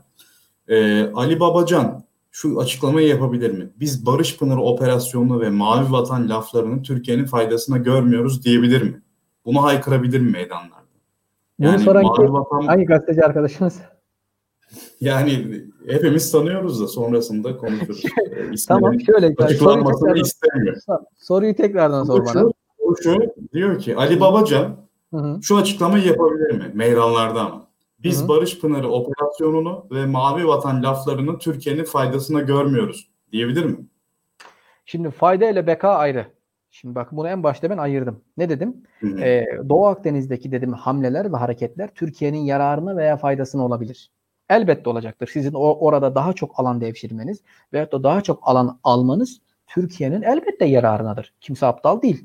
Mesela bu, bu şuna benziyor. İşte şurada çok ciddi bir işte e, petrol var. O petrol alanını senin genişletme genişletebilme veyahut da o petrol alanına yayılabilme imkanın varsa ve sen bunu yapabiliyorsan bu Türkiye'nin faydasına olur. Bu ayrı. Bunu bir yere koyuyorum. Ama bu bir beka sorunu değil. Bak bu ikisini ayırarak yaklaşacaksınız. Barış Pınarı Harekatı da bir beka sorunu değil. Bir fayda zarar denklemi. Ama iktidar e, milleti peşinde beka söylemiyle kanalize edebiliyor. Bu şekilde sürükleyebiliyor. Bu fayda yarar demiyor. Yani iktidar şunu şunu söylemiyor. Bizim Suriye'de operasyon yapmamız veyahut da Suriye'ye yaptığımız operasyonlar e, memleketin menfaatleriyle alakalı demiyor. Çok keskin bir cümle ayrım var. Kelimelerin anlamını iyi bilip altını doldurmak lazım. Beka söylemi diyor. Yani diyor ki eğer biz oraya müdahale etmezsek Türkiye yarın bir gün yıkımla karşı karşıya kalabilir diyor. Hayır kardeşim Türkiye yıkımla karşı karşıya kalmaz. Ben bir şey soracağım. Salih Müslim bu PYD'nin temsilcisi değil miydi? Hı hı. Salih Müslim'i Ankara'da kim ağırladı? Ben ağırlamadım. Herhangi bir muhalefet liderinin de ağırladığını zannetmiyorum. Ama Salih Müslim Ankara'da ağırlandı. Mesela. Hı hı. Kimse buna sesini çıkartmamıştı vakti zamanında. Ne no, şimdi bak hep aynı yere geliyoruz. Bir de şunu unutmamak lazım. İlk bak Recep Tayyip Erdoğan e, Türkiye Cumhuriyeti'nin gördüğü en iyi siyasetçi. Şimdi bu gerçeği de bir kabul edelim. Siyasetçi nedir arkadaş? Şimdi ben şunu eminim. Recep Tayyip Erdoğan yarın bir gün e, HDP ile de tekrardan dirsek teması kurabilir. Hiç şaşırmam. Çünkü siyasetçi nasıl 2013'te, 2014'te kurduysa şimdi Şivan Perver'le otobüsün üzerinde şarkıyı ben mi söyledim? Akşener mi söyledi? Kılıçdaroğlu mu söyledi? Hayır. Erdoğan söyledi. E şimdi o Erdoğan başka. E şimdi bugün e, Şivan Perver'e bakış açısı ne? İktidarın. Herkesin malumu. Ya arkadaşlar iktidar siyaset yapıyor ama öyle ama böyle. Burada iktidarın yaptığı veyahut da dayattığı sıkışmalara kalıp sinen muhalefet.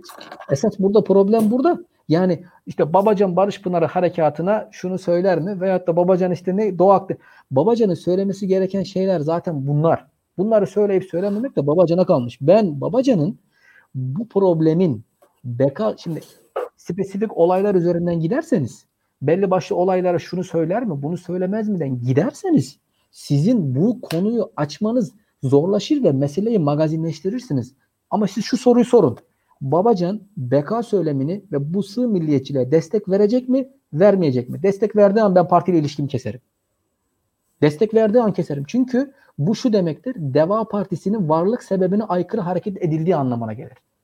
Çünkü Deva Partisi temel hak ve özgürlükler bazında Türkiye Cumhuriyeti'nin bütün renklerini, bütün ideolojilerini ve bütün kimliklerini potasında eritme iddiasında, Türkiye mozaiğini yansıtma iddiasında ve hamasi söylemlerle Türkiye'yi maceralara sürüklememe mesajı veren bir parti. E şimdi siz beka söylemine, iktidarın yarattığı beka söylemine, içi boş olan beka söylemine ve onun toplumu ayrıştırıcı, sığ, hamasi ve şovanist milliyetçiliğine angaja oluyorsanız siz varlık sebebinizi inkar ediyorsunuz demektir. Zaten mesela ben Gelecek Partisi'nde e, buna teşne olabilecek bir lider gördüğüm için Gelecek Partisi'yle e, hareket etmiyorum. Veyahut da İyi Parti'den ayrılma sebebim de benim bu. Deva Partisi Türkiye'nin bütün sorunlarına kapsamlı bir şekilde alternatif bir dil, alternatif bir söylem geliştirdiği sürece yaşar. O gazeteci arkadaşımıza e, şunu söyleyelim. Kürt meselesi konusunda Babacan'ın K24'te verdiği bir röportaj da vardı. Orada ne dedi Babacan? Çözüm sürecinde şu şu hatalar yapıldı ki tamamen aynı fikirdeyim kendisiyle. Devletin dedi muhatabı Kürt vatandaştır dedi. Şimdi mesela Kürt meselesine çok net bir paradigma çiziyor orada. Çok orijinal, mevcut muhalefetten farklı bir paradigma çiziyor orada. Bu Suriye meselesinde de şimdi bakın Erdoğan ideolojik yaklaşıyor diyorlar. Hayır ideolojik yaklaşmıyor. Pragmatist ve oportunist bir yaklaşım tarzı var. Şimdi Esad'ın babası 1980'lerde e, bu e, Müslüman kardeşleri katletmedi mi? Katletti. Hamadi. Evet. Şimdi onu katleden, şimdi ideolojik olarak Erdoğan'la tamamen taban taban aynı ideoloji değil mi? Müslüman kardeşlerin ideolojisi. Şimdi bu ideoloji onları katleden insanın oğluyla aynı fikriyatta olan insanın oğluyla yatta yat gezilerine kim çıktı? Erdoğan çıktı. Şimdi mesele ideolojiler de değil. Mesele siyaseti zamana, şartlara göre uyarlayabilmek. Muhalefet hep şundan korkuyor. Aman ben şunu dersem iktidar beni işte halkın önüne atar mı? Aman ben bunu dersem işte milliyetçilik, vatan, millet, sakar, edapı. Kardeşim vatan sevgisi iktidarın tek elinde mi ya? Siz niye vatan sevgisini sanki iktidarın tek elindeymiş gibi tırsıyorsunuz da geri adım atıyorsunuz? Bence muhalefet iktidardan 10 kat daha vatanperver, 10 kat daha vatansever. Bunu söyleyebilecek argümanları siz yeter ki geliştirin. Türkiye'nin tekrar son olarak cümleyi toparlayayım altını çizeyim. BK sorunu yoktur. Suriye'de, Doğu Akdeniz'de bu dil üzerinden yapılan operasyonlar veyahut da siyasi hamlelerle doludur. Bunlar zarar fayda endeksine dayalı siyasi hamlelerdir. Bu ayrımı yapıp ki 180 derece fark var. BK söylemiyle zarar fayda zarar fayda arasında. Birisi şudur. Benim evimin yıkılmasıyla karşı karşıyayım. Diğerinde yani hukukta da bunun karşılığı vardır. Diğerinde benim evimin içine işte çok daha güzel bir vazo veyahut da çok daha iyi bir televizyon alayım mı almayayım mı? Ya bu meseleyle bu mesele arasında çok büyük bir fark var. Bunu kırdığınız anda da siz halkın çözüleceğini göreceksiniz. Çünkü halkı o kanalize eden, o e, tabanını konsolide etmesini yarayan söylemler, keskin söylemler. Yumuşak söylemlerle bu olmaz. Çok keskin söylemler gerekiyor. Bu yüzden beka işliyor. Çünkü 1910'larda ben az önce ilk kısımda bunu söylemiştim. 1910'un aklıyla hükmetmeye çalışıyorlar. 1910'da Balkanlar gitmiş. Araplar arkadan vurmuş. Sürekli tutan tuttuğu yerden kopartmaya çalışıyor. Bu belli bir kafada ideoloji oluşturmuş. Duygusal refleksler geliştirmiş. Cumhuriyetin zaten Atatürk'ün çizdiği dış politikada yurtta sulh, cihanda sulh demesinin sebebi de bu. Çünkü Orta Doğu'nun nasıl bir bataklık olduğunu, Osmanlı'nın nasıl parçalandığını gördüğü için hiç kimseye karışmadan ama bütün ülkeler arasında köprü bir siyasi vizyon edinmiş. İktidar bunu yıktı. E şimdi bizim bakmamız gereken yer olaya burası. 1910'ların dünyası da yok, 1910'ların kafası da yok artık. Yeni bir söylenme Türkiye mevcut sınırlar içerisinde Türküyle, Kürdüyle, Çerkeziyle, Lazıyla yeni bir söylem geliştirebilir. Sağ açısından da bunu kitabımda da özellikle belirtmeye çalıştım. Yeni bir paradigma lazım. Nedir bizim sağın toplumsal ve kamusal alandaki kutsalları? Özel hayatı biz kendimize ayırıyoruz. Top, isteyen istediğine inanır. isteyen Kur'an'a inanır. isteyen gitsin ata inansın. Beni hiç ilgilendirmiyor. Kimseyi de ilgilendirmemeli. Ama toplumsal ve kamusal alanda bizim üç kutsalımız oldu hep. Devlet, din ve ırk. İşte biz toplumsal ve kamusal alanda bu üçünün yerine devlet yerine bireyi, ırk yerine yurttaşı, din yerine etik değerleri, ahlak değerlerini koymamız gerekiyor. Etik demek daha doğru. Etik değerleri koymamız gerekiyor. Bunu yaptığımız anda sağ kendisini güncelleyerek 2025'lere ve 2030'lara atacaktır. Yoksa sağ yavaş yavaş erimeye, çözülmeye de muhtaç deyip e, bu faslı kapatmış olayım. Biraz kapsamlı bir cevap oldu. Kusura bakma. İlkan, İlkan konuşamadığı için kıvranıyor şu an. Ben görüyorum onu. Yok ya. Şimdi, e, iki, şimdi 2020'lerin siyasetinde şöyle bir şey var. Şimdi Gürkan mesela dış politikayla iç politikayı çok iç içe konuştu. Hakikaten buna dönüş. Bir de sosyal medyada siyasete girince yani dış politika bir şov meselesinin ring e, alanına dönüştü. Şimdi ben buradan konuyu iç politikaya getireyim. Ee, CHP'nin atağa kalktığını söyleyebilir miyiz? Na- nasıl bunu söyleyebiliriz? Bunu nasıl argüman edebiliriz? Şimdi Ekrem İmamoğlu'nun e, soruşturma haberiyle başladı. Yani e, İBB'nin açtığı soruşturma haberiyle başladı bugün.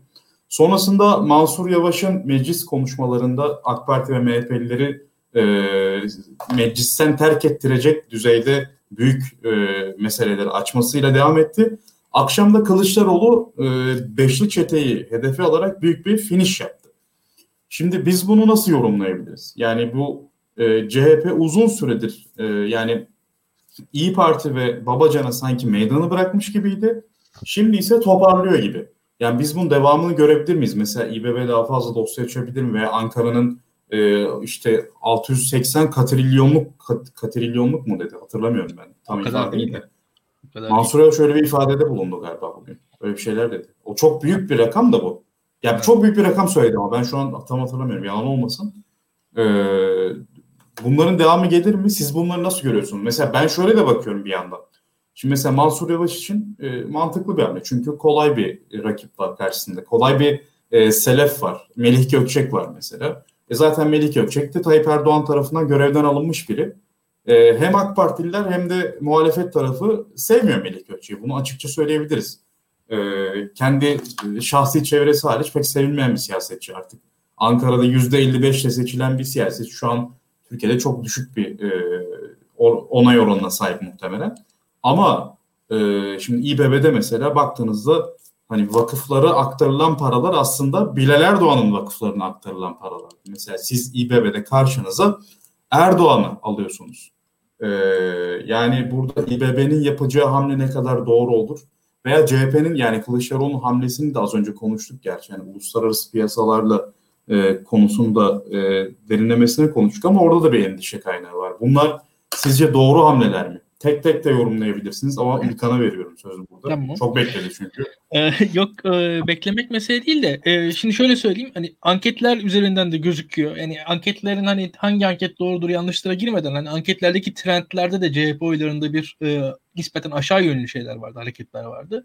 Ve CHP'nin e, ben bu son dönemlerde Hemen Belediye Başkanı, Şişli Belediye Başkan Yardımcısı vesaire bunların başına gelenleri düşünüyorum. Arkasından İmamoğlu'na işte soruşturma, bu bu taksi ukame kararları tek tek bakarsanız e, sürekli pres altında ve e, Devlet Bahçeli'nin pozisyonu da bu presi arttırıyor ve burada hatta şöyle söyleyeyim e, e, Mahir Bey'in e, açıklamaları üzerine yapılan hareketleri düşünelim. Bunları da ekleyelim. Yani Cumhuriyet Halk Partisi ciddi bir baskı altında şu anda ve e, bir reaksiyon göstermek durumundaydı. E, Cumhuriyet Halk Partisi'nin reaksiyonu e, şu açıdan önemli. E, şunu biliyoruz ki iktidar e, geçmiş 18 yıl boyunca belli e, kişileri kendi arasından kaybetti. İşte e, ilk başta hani Ali Babacan işte hani burada Deva Partisi, Ahmet Davutoğlu, Erkan Mumcu, yani geç Ali Abdülatif Şener vesaire hep bu kaybedilen figürler var. İktidarın yanında olup ayrılan birçok insan oldu ama e, tarihine bakalım bu iktidarın sürekli de bir destek buldu. Yani bir şekilde iktidar daima bir destekleyecek birilerini buldu. İşte Fethullahçıları buldu, Milliyetçi Hareket Partisi'ni buldu. Bir şekilde devlet içeriğinden belli yapıları buldu. E, bulamadı bulamadı Süleyman Soylu'yu buldu. Daha da aradı işte e, bakarsanız birilerini buldu. Yani her zaman için e, Tayyip Erdoğan bir destek de aradı her zaman kendisine. Cumhuriyet Halk Partisi şu an söylemini sertleştirerek muhtemelen Cumhuriyet Halk Partisi içerisinden bir destek veren olacaksa onların bir defa önünü alıyor diye düşünüyorum. Bir tarafı bu işin yani ve Cumhuriyet Halk Partisi içerisinde çünkü e, belli şeylerden rahatsız olunduğu gözüküyor. E, ben burada tek tek örnek vermek istemiyorum şu an için ama e, bu sertleşmenin bir CHP'nin kendi içerisinde CHP'nin kendisini konumlamasıyla alakalı da olduğunu düşünüyorum. Ha yarın bu Cumhurbaşkanlığı seçimine doğru bir tercih olarak gider mi? Bilmiyorum. Gidebilir ama gitmeyebilir. Bu konuda hemen şimdiden bir yani bu olduğuna göre hani ne olabilir? Ama şunu söyleyeyim. Mesela benim aklımda Onur sen bana sorarsın. Ya bence bugünün sonunda e, yani Kılıçdaroğlu aday olur mu Cumhurbaşkanlığına? Bugün başında hiç olmaz derdim. Bugün ilk defa %5-10 belki de Kılıçdaroğlu adayıdır. Bilmiyoruz. Ha, sabah bana sorsaydın İmamoğlu Cumhuriyet Halk Partisi'nin Cumhurbaşkanı adayı olur mu diye %35-40 derdim. Bugün bu akşamın sonunda %45-50-55 ihtimalle İmamoğlu Cumhurbaşkanı adayı olur diyorum. Yani şu an şöyle söyleyeyim. CHP'nin daha bir CHP'li kimlikle varlığını gösterim, gösterme iradesi gösterdiğini görüyorum bugünün sonunda. Benim anladığım şey budur. Yani o ihtimaller yani CHP'lilik ihtimalinin daha önde olduğunu düşünüyorum. Ha bu şu demek değil tabii. Ee, bir yandan CHP'nin o e, klasik e, Kılıçdaroğlu söylemleri devam edecektir. Nispeten daha e, yani dinle barışık, daha sağla barışık söylemler devam edecek ama daha CHP'liler tarafından muhtemelen dile getirilecektir gibi geliyor bana ki e, zaten burada şunu da söyleyeyim mesela Canan Kaftancıoğlu'nun soruşturmaları falan da ekleyebiliriz. CHP'nin yani çok fazla soruşturma var bu arada yani hani hakikaten e, bakalım üst üste bakarsanız işte e, e, Mahir Bey'e bir soruşturma var. Kaftancıoğlu'na bir soruşturma var. Kılıçdaroğlu'na davalar açılıyor sürekli. Kılıçdaroğlu'nun bu linç meselesi var. Bence çok önemli bir mesele. Yani o linç meselesi şu an hani devlet içerisinde yapılar falan diyoruz ya o linç meselesi e, yani bence alengirli bir mesele. Yani şu an e, bilim e, yüzde yüz kanıtlar olmadan fazla şey söylemek istemiyorum ama benim tamamen e, kötü kokular aldığım bir iş o. Unutmadığım bir iş açıkçası. Türkiye adına Türkiye'nin geçmiş 10 yılındaki kötü bir anıdır o linç meselesi. E, no, basit bir olay, normal bir olay değildir diye düşünüyorum. E, devam edelim. E, burada buradaki hikayede yani e, bugünü ve bugün son birkaç gün daha doğrusu anlamlı görüyorum. E, ya burada tabii ki zaten hani Mansur Bey'le de e, Kılıçdaroğlu arasında bir iyi ilişki var. Onlar kendi işlerinde anlaşırlar yani. Orada bir e, mesele karşılıkla çok görmüyorum şu aşamada. Onu da söyleyeyim. Gürkan sen nasıl değerlendiriyorsun? Yani e, sen muhalefetin daha sert olmasını genellikle dile getiren e, bir yorumcusun, bir siyasetçisin aynı zamanda. E, bunların risklerini ve kazanç ihtimallerini nasıl değerlendiriyorsun? E, şunu yine bir ayırayım. E, bunu söylüyorum. Bazen işte insanlar yanlış anlıyor. Ben e, tekrar diyorum muhalefet siyaha beyaz demek zorunda değil. Gri'nin 40 tane tonu var. Bunlardan birisi de cevap verebilir. Ama yeter ki e, sürekli figüran rolüne girmesin. Bir ikincisi de sertlikten ziyade net olmasından yanayım net yeni politikalar, yeni söylemlerle ve sürekli savunmadan e, çıkmasından yana. Şimdi siz sürekli savunma yaparsanız ya İtalya bile olsanız o golü yersiniz abi. Yani hiç kaçarınız olmaz. Bir takım 90 dakika bırak yani Türkiye kaç yıl 10 yıldır muhalefet sürekli savunma yapıyor. Yani siz e, bu şeyden çıkmanız lazım. Bu psikolojiden bu ruh halinden çıkmanız lazım. O yüzden muhalefetin öncelikli problemi psikolojik. Bir bunu aşması lazım. İki e, ben Kılıçdaroğlu'nun aday olmak istediğini zannetmiyorum. E, kendisine adaylık teklif eden illaki bütün siyasi partilerde oluyor bu. E, siyasetin içerisinde iki yıllar aktifim ama gördüm. Maalesef siyasi hayatın şakşakçısı bol. E, o illaki işte Sayın Genel Başkanım adaysız olmasını hele hele bu akşam var ya neler neler yazıyorlar. Sayın Genel Başkanım muhteşemsiniz, harikasınız, kaşınız şöyle güzel, gözünüz böyle güzel vesaire.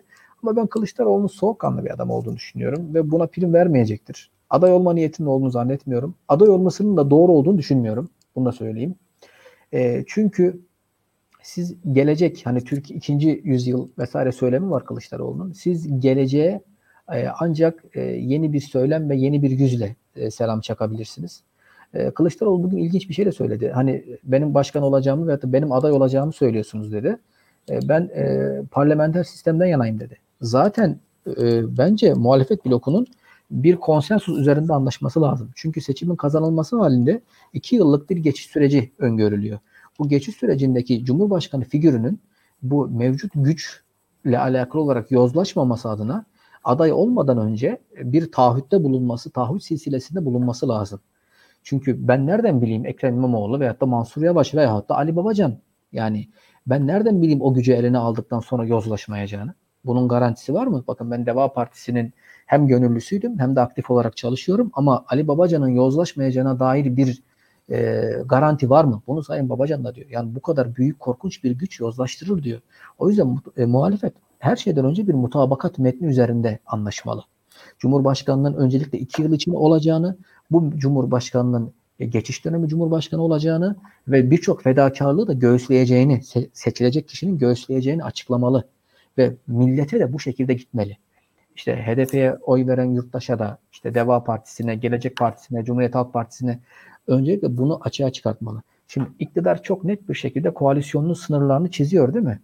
Hatta bunun içerisinde farklı farklı partileri de almakta ki İyi Parti'yi çekmeye çok çalıştılar. Bir beis görmüyor. İstese dün düne kadar hakaret ettiği, küfrettiği insanlarla yarın hemen birlikte olabilir. Ama muhalefet bir türlü iktidarın kendilerine vurduğu prangaları kırıp bir araya gelip kardeşim işte biz buyuz, bu partilerle bir araya geldik, bizim söylemimiz şudur, bizim manifestomuz budur, bizim adayımız da şudur diyebilecek pozisyona gelmiyor. Zaten adaydan çok önce önce bir, bir masa etrafında bir yemek yiyebilmeleri, konuşabilmeleri lazım.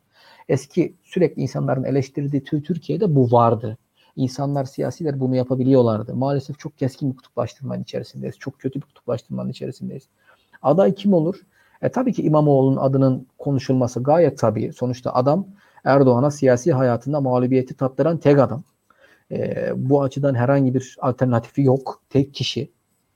Ama hem Mansur Yavaş hem Ekrem İmamoğlu hem de diğer bütün e, belediyeler, büyük şehirler bu zaferi Kürt seçmene, HDP'ye gönül veren Kürt seçmene borçlular. Bunu da unutmamak lazım. Ha tabii bu mevcut durumda HDP'yi şımarıklığa sürüklememeli. Çünkü HDP'nin çarpanı kadar artık İyi Parti'nin de bir çarpanı var. Deva Partisi'nin de çarpanı var. Ee, kardeşim derdiniz memleketse, kendi koltuklarınız değilse siz bütün bagajları bir tarafa bırakıp memleketin geleceği adına bir araya geleceksiniz. O masaya oturacaksınız. Konuşacaksınız. Çünkü tekrar diyorum HDP 6-7 milyon oy almış. Çarpanıyla 12-13 milyonun gönül verdiği bir parti. Ya bu yenilir yutulur bir şey değil. Türkiye'nin en büyük ve en önemli renklerinden bir tanesi. Bunun da o masaya dahil edilerek bu işin çözülmesi gerektiğini düşünüyorum. Çünkü siz topluma şu mesajı vereceksiniz. Kardeşim biz biriz, biz beraberiz. Biz Türkiye mozaiğinin sizlerin Türkiye mozaiğinin sizler tarafından seçilmiş unsurlarıyız. O zaman işte iktidarla istediği kadar şunu yaptılar. HDP'yi de yanlarına aldılar. Şunu söylediler. Ya kardeşim basit bir cevap verirsin. 2019 yerel seçimlerinde İmralı'nın mektubunu devlet televizyonunda ben mi okuttum ya? Muhalefet mi okuttu? Ya muhalefet dediğim gibi söylemlerinde net olursa iktidar onlara bol bol zaten malzeme veriyor. Yeter ki ilk adımı atacak cesareti göstersinler. Bütün renkleriyle ve kimlikleriyle diyorum bakın eksiksiz. Sürekli dünü konuşuyoruz. Sürekli dün işte şu şunu söylemişti. Bu, bu doğrudur. Doğrudur. Dün birçok Demirtaş'ın da hataları vardı dün. Babacan'ın ve ekibinin de hakeza başta Abdullah Gül olmak üzere 2017 referandumuna destek vermediklerini söyledikleri halde bunu alenen dile getirmemelerinden kaynaklı sorumlulukları var. Ben bu sorumluluklar olduğunu düşünüyorum. Demirtaş'ın da belli başlı konuşmalarında sorumsuzca olduğunu düşünüyorum. Ama gel görün ki Demirtaş o kadar ciddi bir Türkiye okuması yaptı ki ve 2019'da bunu Türkiye ortak paydasına o kadar güzel sundu ki bu çok kıymetli bir şey. Sürekli düne bakarak yaşayamayız ya. Artık geleceğe bakmamız lazım. Sürekli dünün bu dünün hesaplaşmalarını bırakıp eğer hepimizin ortak paydası Türkiye ise muhalefetin bu ortak paydada bir araya gelip adayını ortak bir deklarasyon ve şartlarla halka sunması lazım. Siz halka net olursanız, şeffaf olursanız Halk da dediğim gibi iktidarın bütün propaganda malzemelerine rağmen size 3 gün belki kafasında şüpheyle yaklaşır ama dördüncü gün dediğim gibi bir şüphe eder. Beşinci gün acaba der. Altıncı gün peşinizden gelir. Çünkü muhalefet doğru olan taraf. Çünkü muhalefet haklı olan taraf. Ee, şimdi yayınımız bir saat 30 e, dakikaya geçti. Ee, çok da uzun olsun istemiyoruz. Ekleyecek, eklemek istediğiniz bir şeyler var mı? İlkan var mı eklemek istediğin? Ya eklemek istediğim şey şu. E, bir defa yani Kılıçdaroğlu'nun e, bu hani tank paleti herkes biliyor da şu tank motoru meselesini falan e, gündeme getirmesini beğendim. Onu söyleyeyim. Biraz teknik konular vesaire bunlar iyi konular. E, çünkü bu konularda Türkiye'de e, teknik tartışma yapılmıyor ve iş sırf hamaset üzerinden gidiliyor. Aslında e, bu tarz alanlarda dahi mesela Türkiye'de bilgiyle, Türkiye'de birikimle, Türkiye'ye teknik olarak yaklaşılarak birçok şey öğrenilebilir diye düşünüyorum. E, yine aynı şekilde e, hani Libya, münhasır ekonomik alan bu gibi konularda Türkiye'de yine tartışma olsaydı çok daha e, ülke adına da ulusal çıkarlar adına da daha iyi noktada olurduk diye düşünüyorum. Türkiye bu konularda tartışmadığı için kaybetti diye düşünüyorum. Daha, çünkü aslında Türkiye'nin Hatta biraz bir uluslararası değerlendirme yapayım. E, malum yayının sonunda biraz da ben de açılayım. E, Amerika'nın kendi kıtasına doğru çekildiği ve Çin'e daha kendisi odakladığı bir yerde aslında Türkiye'nin önemi, rolü falan artıyor dünyada artması gerekiyor. Türkiye aslında doğası gereği zaten e, düne göre daha etkin bir ülke olmak durumunda. Hani eşya sen dünya sizi oraya doğru itiyor. Bunun geriye dönüşü olmayacaktır zaten. Ha, bu Tayyip Erdoğan başta olsa da olmasa da olmayacaktır. Ama bunun nasıl olacağı meselesi işte zaten bu da siyasetçilerin yapacağı tercihlerden ibarettir. Ve bunlar e, bunlar tartışılmalı, bunlar konuşulmalı. Türkiye'de muhalefet bunları açık açık tartışmalı, konuşmalı. Türkiye'nin çıkarlarını mesela Libya'da Mesela Doğu Akdeniz'de en doğru nasıl savunmamız gerektiğini biz konuşabilmeliyiz. Bu konuda farklı fikirler olmalı. Bu konuda herkes kendisi kendi aklını, kendi bilgisini, birikimini ortaya koyabilmeli. Çünkü bunlar illa birilerinin e, açıkçası kendi ofislerinde e, gençlik heyecanlarıyla çizdikleri haritalarla bitecek işler değil. Türkiye yani dünya diplomasi diye bir alan var. Uluslararası ilişkiler diye bir disiplin var. Bu alanlar, bu disiplinler e, tartışmaların bittiği alanlar değil. Bu alanlarda böyle e, hatta fizik kanunları işlemiyor. Gerçekten de hani ne aldınız, ne verdiniz? Çok doğru ortaya koyalım. Ya Türkiye bu açıdan ne aldı, ne verdi? Veyahut da şöyle bakalım. E, yani Türkiye basit. Evet. Yani bu ve Türkiye'nin çok daha fazla şey kazanma ihtimali var mıydı acaba? Biraz bunu düşünelim. Türkiye'nin potansiyeli var diyoruz.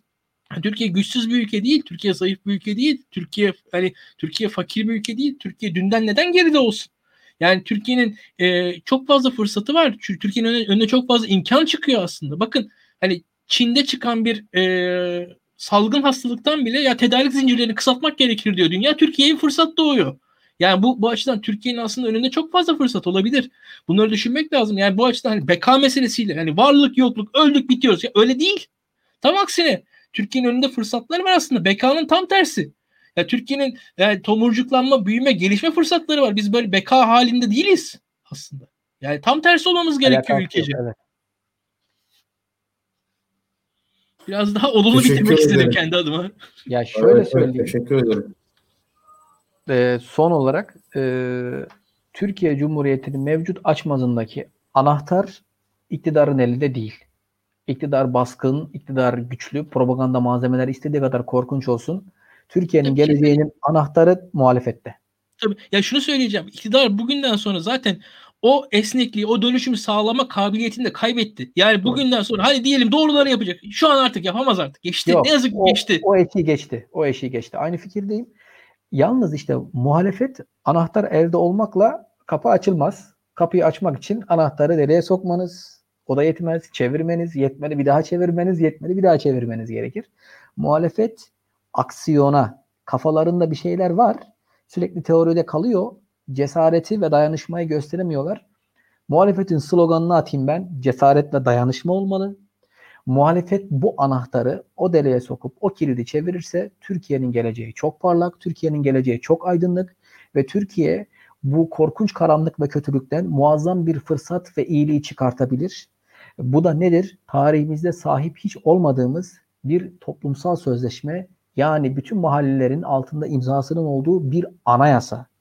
Temeli bu sefer çok sağlam atabiliriz ve bu sağlam atılan temelle e, Türkiye Cumhuriyet'in ikinci yüzyılına e, çok güçlü bir kurucu meclisle ikinci bir kurucu meclisle, çok güçlü bir kurucu meclisle sistemleri, kurumları yeniden ayağa kaldıracak, toplumsal barışı sağlayacak, toplumsal huzuru, refahı sağlayacak bir kurucu meclisle girebilir. Umarım memleketin hayrına olan bu adımları muhalefet atar da bu mevcut kötülüğün bir an evvel toplumun üzerinden e, gitmesini, bu kara bulutların dağılmasına sebebiyet verir. Ben bir Türkiye Cumhuriyeti vatandaşı olarak ve bir Türk olarak bunun için elinden geleni yapacağım. Kendi adıma bunu söyleyebilirim. Ya ben burada farklı düşünüyorum. Ee, işte toplumsal sözleşme, anayasa, muhalefetin bir araya gelip görüntü çizmesi falan bunlar e, Türkiye'de demokratik kültür olmadığı için çok büyük talepler değil. Türkiye'deki vatan sıradan seçmenin talebi şu an e, devlet ciddiyeti ve doğru düzgün ekonomi yönetimi, dış politikanın da baş. Bu kadar aslında. Şimdi e, muhalefet aydınları e, bazen e, kendi isteklerini toplumun istekleri gibi yansıtabiliyorlar sözün meclisten dışarı. E, dolayısıyla ben burada e, muhalefet belediyelerinin aslında e, çok büyük bir e, avantaj sağladığını düşünüyorum muhalefet. Çünkü muhalefet belediyeleri şu an nüfusun %50'sini yönetiyorlar ve çok büyük bir e, imkan içerisindeler. Yani hem aslında muhalefet şöyle belediyeler başkanlık sistemi gibi bir sistem içinde yönetiliyorlar. Eğer eğer belediye meclisi de sizin elinizdeyse e, gerçekten e, siz yetkinizi olumlu yönde kullanıp çok verimli işler üretebilirsiniz. Bu önemli. Eğer öyle değilse de kendi mağduriyetinizi e, kamuoyuna çok rahat taşıyabilirsiniz. Mesela bu UKOME toplantıları olsun. Bugün Mansur Yavaş'ın e, meclisteki AK Parti ve MHP'lilerle diyalogları olsun. Bunlar seçmenin desteğini alıyor. Muhalefet seçmeni mobilize oluyor. Muhalefet seçmeninin iktidara karşı e, ağzına argüman veriyor ve apolitik seçmeni de muhalefetin yanına çekiyor. Bence e, muhalefetin bu noktada belediyeleri koordine bir şekilde desteklemesi lazım. Yani muhalefet milletvekillerinin, muhalefet genel başkanlarının belediye başkanlarını yalnız bırakmaması lazım. Bu sadece İstanbul, Ankara değil. Bunun içinde İzmir var, Muğla var, Mersin var, Adana var. Mesela Adana örneğini ben dile getireyim. Bu sahra hastaneleri kuracaktı mesela. İktidar medyası dalga geçti resmen değil mi? Ee, Zeydan Karalar'la işte derme, derme çatma bir hastane kuruyordu işte bunu böyle çok büyük bir tedbirmiş gibi yansıtıyor filan dedi. Şu an memleketin her yanında pandemiden ötürü e, hastanelerin kantinleri, bahçeleri falan sahra hastanesine dönüştürülüyor. Mesela bir örnek var işte Mersin'de mesela e, göçmenleri e, şehre entegre etmek için uluslararası kurumlarla işbirliğine gidiliyor. E, farklı e, işte Eskişehir modeli zaten biliniyor işte tarımsal kalkınmayı gerçekleştirmiş bir e, şehir. E, İzmir'de keza bence İzmir mesela deprem konusunda e, belediye iyi çalıştı, sosyal sorumluluğunu iyi yönetti ve bunu diğer belediyelerle ortaklaşa yaptı. Mesela İBB e, büyük bir katkıda bulundu İzmir'e. Bu hikayelerin e, zaten belediyeler kendileri anlatıyorlar. Bence e, parti fark etmek sizin muhalefetin zaten İyi Parti ve HDP e, seçmenlerini buraya yönlendirdiler. Bence belediyelere sahip çıkması lazım. Yani günün sonunda seçmen, sıradan vatandaş icraata bakar. Lafa bakmaz. İcraatte şu an aslında muhalefetin elinde var ve çok meşru bir şekilde var. Yani iktidar kadar da eleştirilmiyorlar. Mesela zaten belediye hizmetleri bir şekilde sağlanan hizmetler. Çok da zor şeyler de değil. Ee, yani bir ülkeyi yönetmek mi daha kolay günün sonunda? Bir şehri yönetmek mi? Şehri yönetmek daha kolay. Zaten işlendiği yapılar var ellerinde. Ee, bunu yapabilirler. Bence e, toplumun e, temel motivasyonu buradan kaynaklanacak. Yani belediyeler ürettikçe, muhalefet de bunları sahiplendikçe, e, medyaya taşıdıkça en azından vaatleri, en azından fikirleri dile getirdikçe mesela geçen gün e, İmamoğlu e, yurt dışından bulduğu kredinin lansmanını yaparken altyazı şuydu. İstanbul'da 10 metro inşaatı sürüyor olacak. Şimdi düşünsenize İmamoğlu'nun İstanbul'u rantiye, e, şantiye rantiye diyorum AK Parti eleştirmekten e, şantiyeye çevirdiğini düşünün mesela. Hakikaten 10 metro inşaatının bir anda başladığını düşünün. Bunların sadece 4 hattı 5 milyon vatandaşı gidiyor. Ben tek tek ilçelere baktım. Yani bunun 10'a çıktığını düşünün belki 10 milyon vatandaşa gidecek. 10 hat 10 milyon vatandaşa gidiyor ve bu metro gibi icraatlar e, tüm seçmeni yani zenginine de fakirine de işte Kürdünü de Türküne de Alevisine de Sünnisine kadına erkeğine bütün gencine yaşlısına hepsine hitap ediyor. Veya mesela bugün Mansur Yavaş'ın e, ortaya çıkardığı yolsuzluk meselesi. Yani herkes biliyor Melih Gökçek doğru düzgün belediye yönetmedi. Aile şirketi yönetti, ceplerini doldurdu ve gitti. Yani bunun ortaya çıkması yalnızca muhalefet seçmeni değil, apolitik seçmeni hatta iktidar seçmenin bir kısmını da rahatlatan bir şey. Ee, bunun sürdürülmesi lazım. Mesela bugün Kılıçdaroğlu'nun yaptığı da öyleydi. Yani üçüncü köprüden geçen işte otoyolları kullanan veya Çanakkale Köprüsü meselesi mesela veya şehir hastaneleri. Ya bundan akıl aklı başında olan herkes e, eğitimli eğitimsiz fark etmeksizin bundan rahatsız olur zaten. Bu rahatsızlığın e, biraz da e, öfkeli bir şekilde dile getirilmesi ve seçmene sizi yalnız bırakmıyoruz mesajının verilmesi çok yerinde bence. Bunun sıkça tekrarlanması lazım. Yani vatandaşın gündemi daha çok bunlar. Bence e, adalet meselesinin de gündelik hayatla olan temasının kurulması gerekiyor bir şekilde. Yani bu toplumsal adalete değinmek de olur. Mesela kadın meselesi çok önemli. Türkiye'de sivil toplumun direnebildiği nadir alanlardan bir tanesi kadın, diğeri de hayvan hakları meselesi mesela. E, çevre de biraz öyle ama çevre bu kadar e, maalesef Türkiye'de ciddi alınan bir konu değil şu an. Fakat kadın ve hayvan hakları meseleleri gerçekten tüm herkesi bir araya getiriyor. Yani bu konularda da belediyelerin yapabileceği şey, şey çok fazla. Ben mesela açık söyleyeyim yani bu partizanlık, yalakalık falan değil. Ee, İBB'nin geçen e, yurt dışı lansmanı e, toplantısında ekibin çoğunluğunun kadınlardan oluşması ya beni hem gururlandırdı hem de geleceğe dair bana umut verdi. Yani sıradan seçmen olarak ben bunu söylüyorum.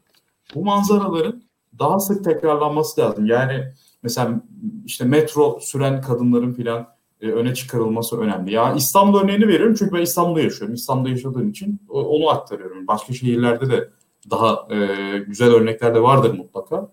E, dolayısıyla muhalefetin koordine bir şekilde bu hizmetleri bence gündeme taşıması gerekiyor. Kendinize iyi bakın. Çok Hocam, keyifli bir konuşma oldu. Bana cevap hakkı doğdu. Ben, ben gidiyorum gibi anladım onu. Kusura bakma ya. Cevap hakkım doğdu. Şimdi şöyle ifade Milletindir diyormuşsun. Kusura bakma. Ya şöyle, hayır. Şimdi e, yereller yerelliğini yapsın. Amenna. Zaten yapmamaları e, var olan enerjiyi e, kötüye doğru götürür. Var olan enerjiyi sindirir. Ama geneller de genelliğini yapmak zorunda. Yani şöyle şunu ifade etmeye çalışıyorum. Türkiye'nin bütün problemlerinin temeli e, anayasasızlığa dayanıyor hep söylüyoruz. Mesela İlkan Bey dedi ki Türkiye'de bir sistem yok. Türkiye'de bir aslında mesela Burak Hoca dedi ki Türkiye'de bir rejim yok. Şimdi anayasal olarak siz çerçeveyi net bir şekilde çizmezseniz ve bu anayasa toplumun bütün kesimleri ta- tarafından mutabakata verilen bir metin olmazsa sizin sorula, sorunlarınız 3 yıl sümen altı edilir. 4. yıl yine patlar. Yani Erdoğan'ın koltuğuna mevcut kanunlarla ve mevcut anayasayla İmamoğlu'nu da oturtsan, Babacan'ı da oturtsan yozlaşmayacaklarını kimse garanti edemez. Erdoğan'ın 98'leri 2000-2001'lerine baktığınız zaman tırnak içerisinde e, her ne kadar o siyasal İslam nosyonu görseniz de çok demokratik söylemleri de söz konusu. Ben nereden bileyim İmamoğlu'nun gelip koltuğa oturduğunda veyahut da benim kendi partimin de lideri olan Babacan'ın o koltuğa oturduğunda mevcut güçle yozlaşmayacağına. Hayır abi biz yeniden ziyan edeceğiz her şeyi. Ve ben şundan yanayım. Hiçbir siyasi lidere hak etmediği halde ve kendisini ispatlamadan prim verilmemesi lazım toplum tarafından. Ekrem İmamoğlu'na da, Mansur Yavaş'a da, Ali Babacan'a da. Çünkü öncelikle herkes bir rüştünü ispat etsin. Herkes hakikaten sınansın, güç eline geldiğinde o gücü nasıl kullanacağını biz görelim. Ve bundan da öte kimsenin eline toplum olarak hiçbir siyasi liderin eline sınırsız gücü veyahut da bizim onayımız olmayan bir gücü veyahut da sınırları çizilmemiş bir gücü vermeyelim. Bu yüzden anayasa Türkiye için şarttır. Nefes gibi, ekmek gibi, su gibi şarttır. Ben senin dediğine Nezih katılıyorum. Elbette halkın gündelik ihtiyaçları çok daha baskın bir şekilde özellikle ekonomik anlamda ama bunlar bizim genel resmi de görmemizin önünü e, önüne gelmemeli deyip kapatayım.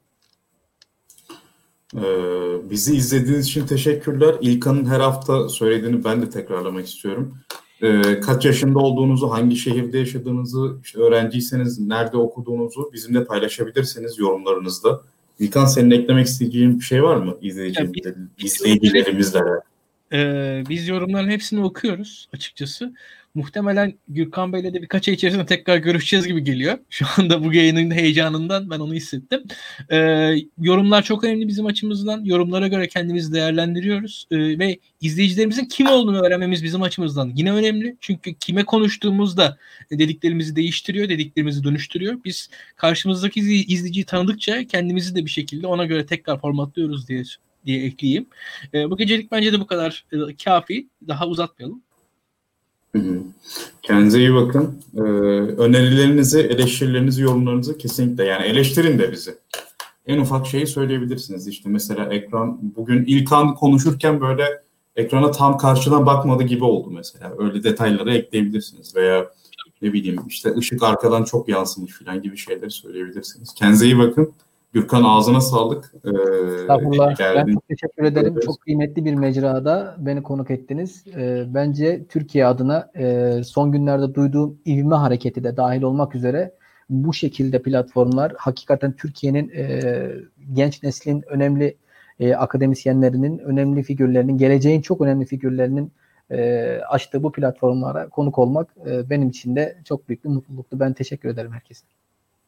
İyi akşamlar. Kendinize iyi bakın. İyi akşamlar. İyi akşamlar.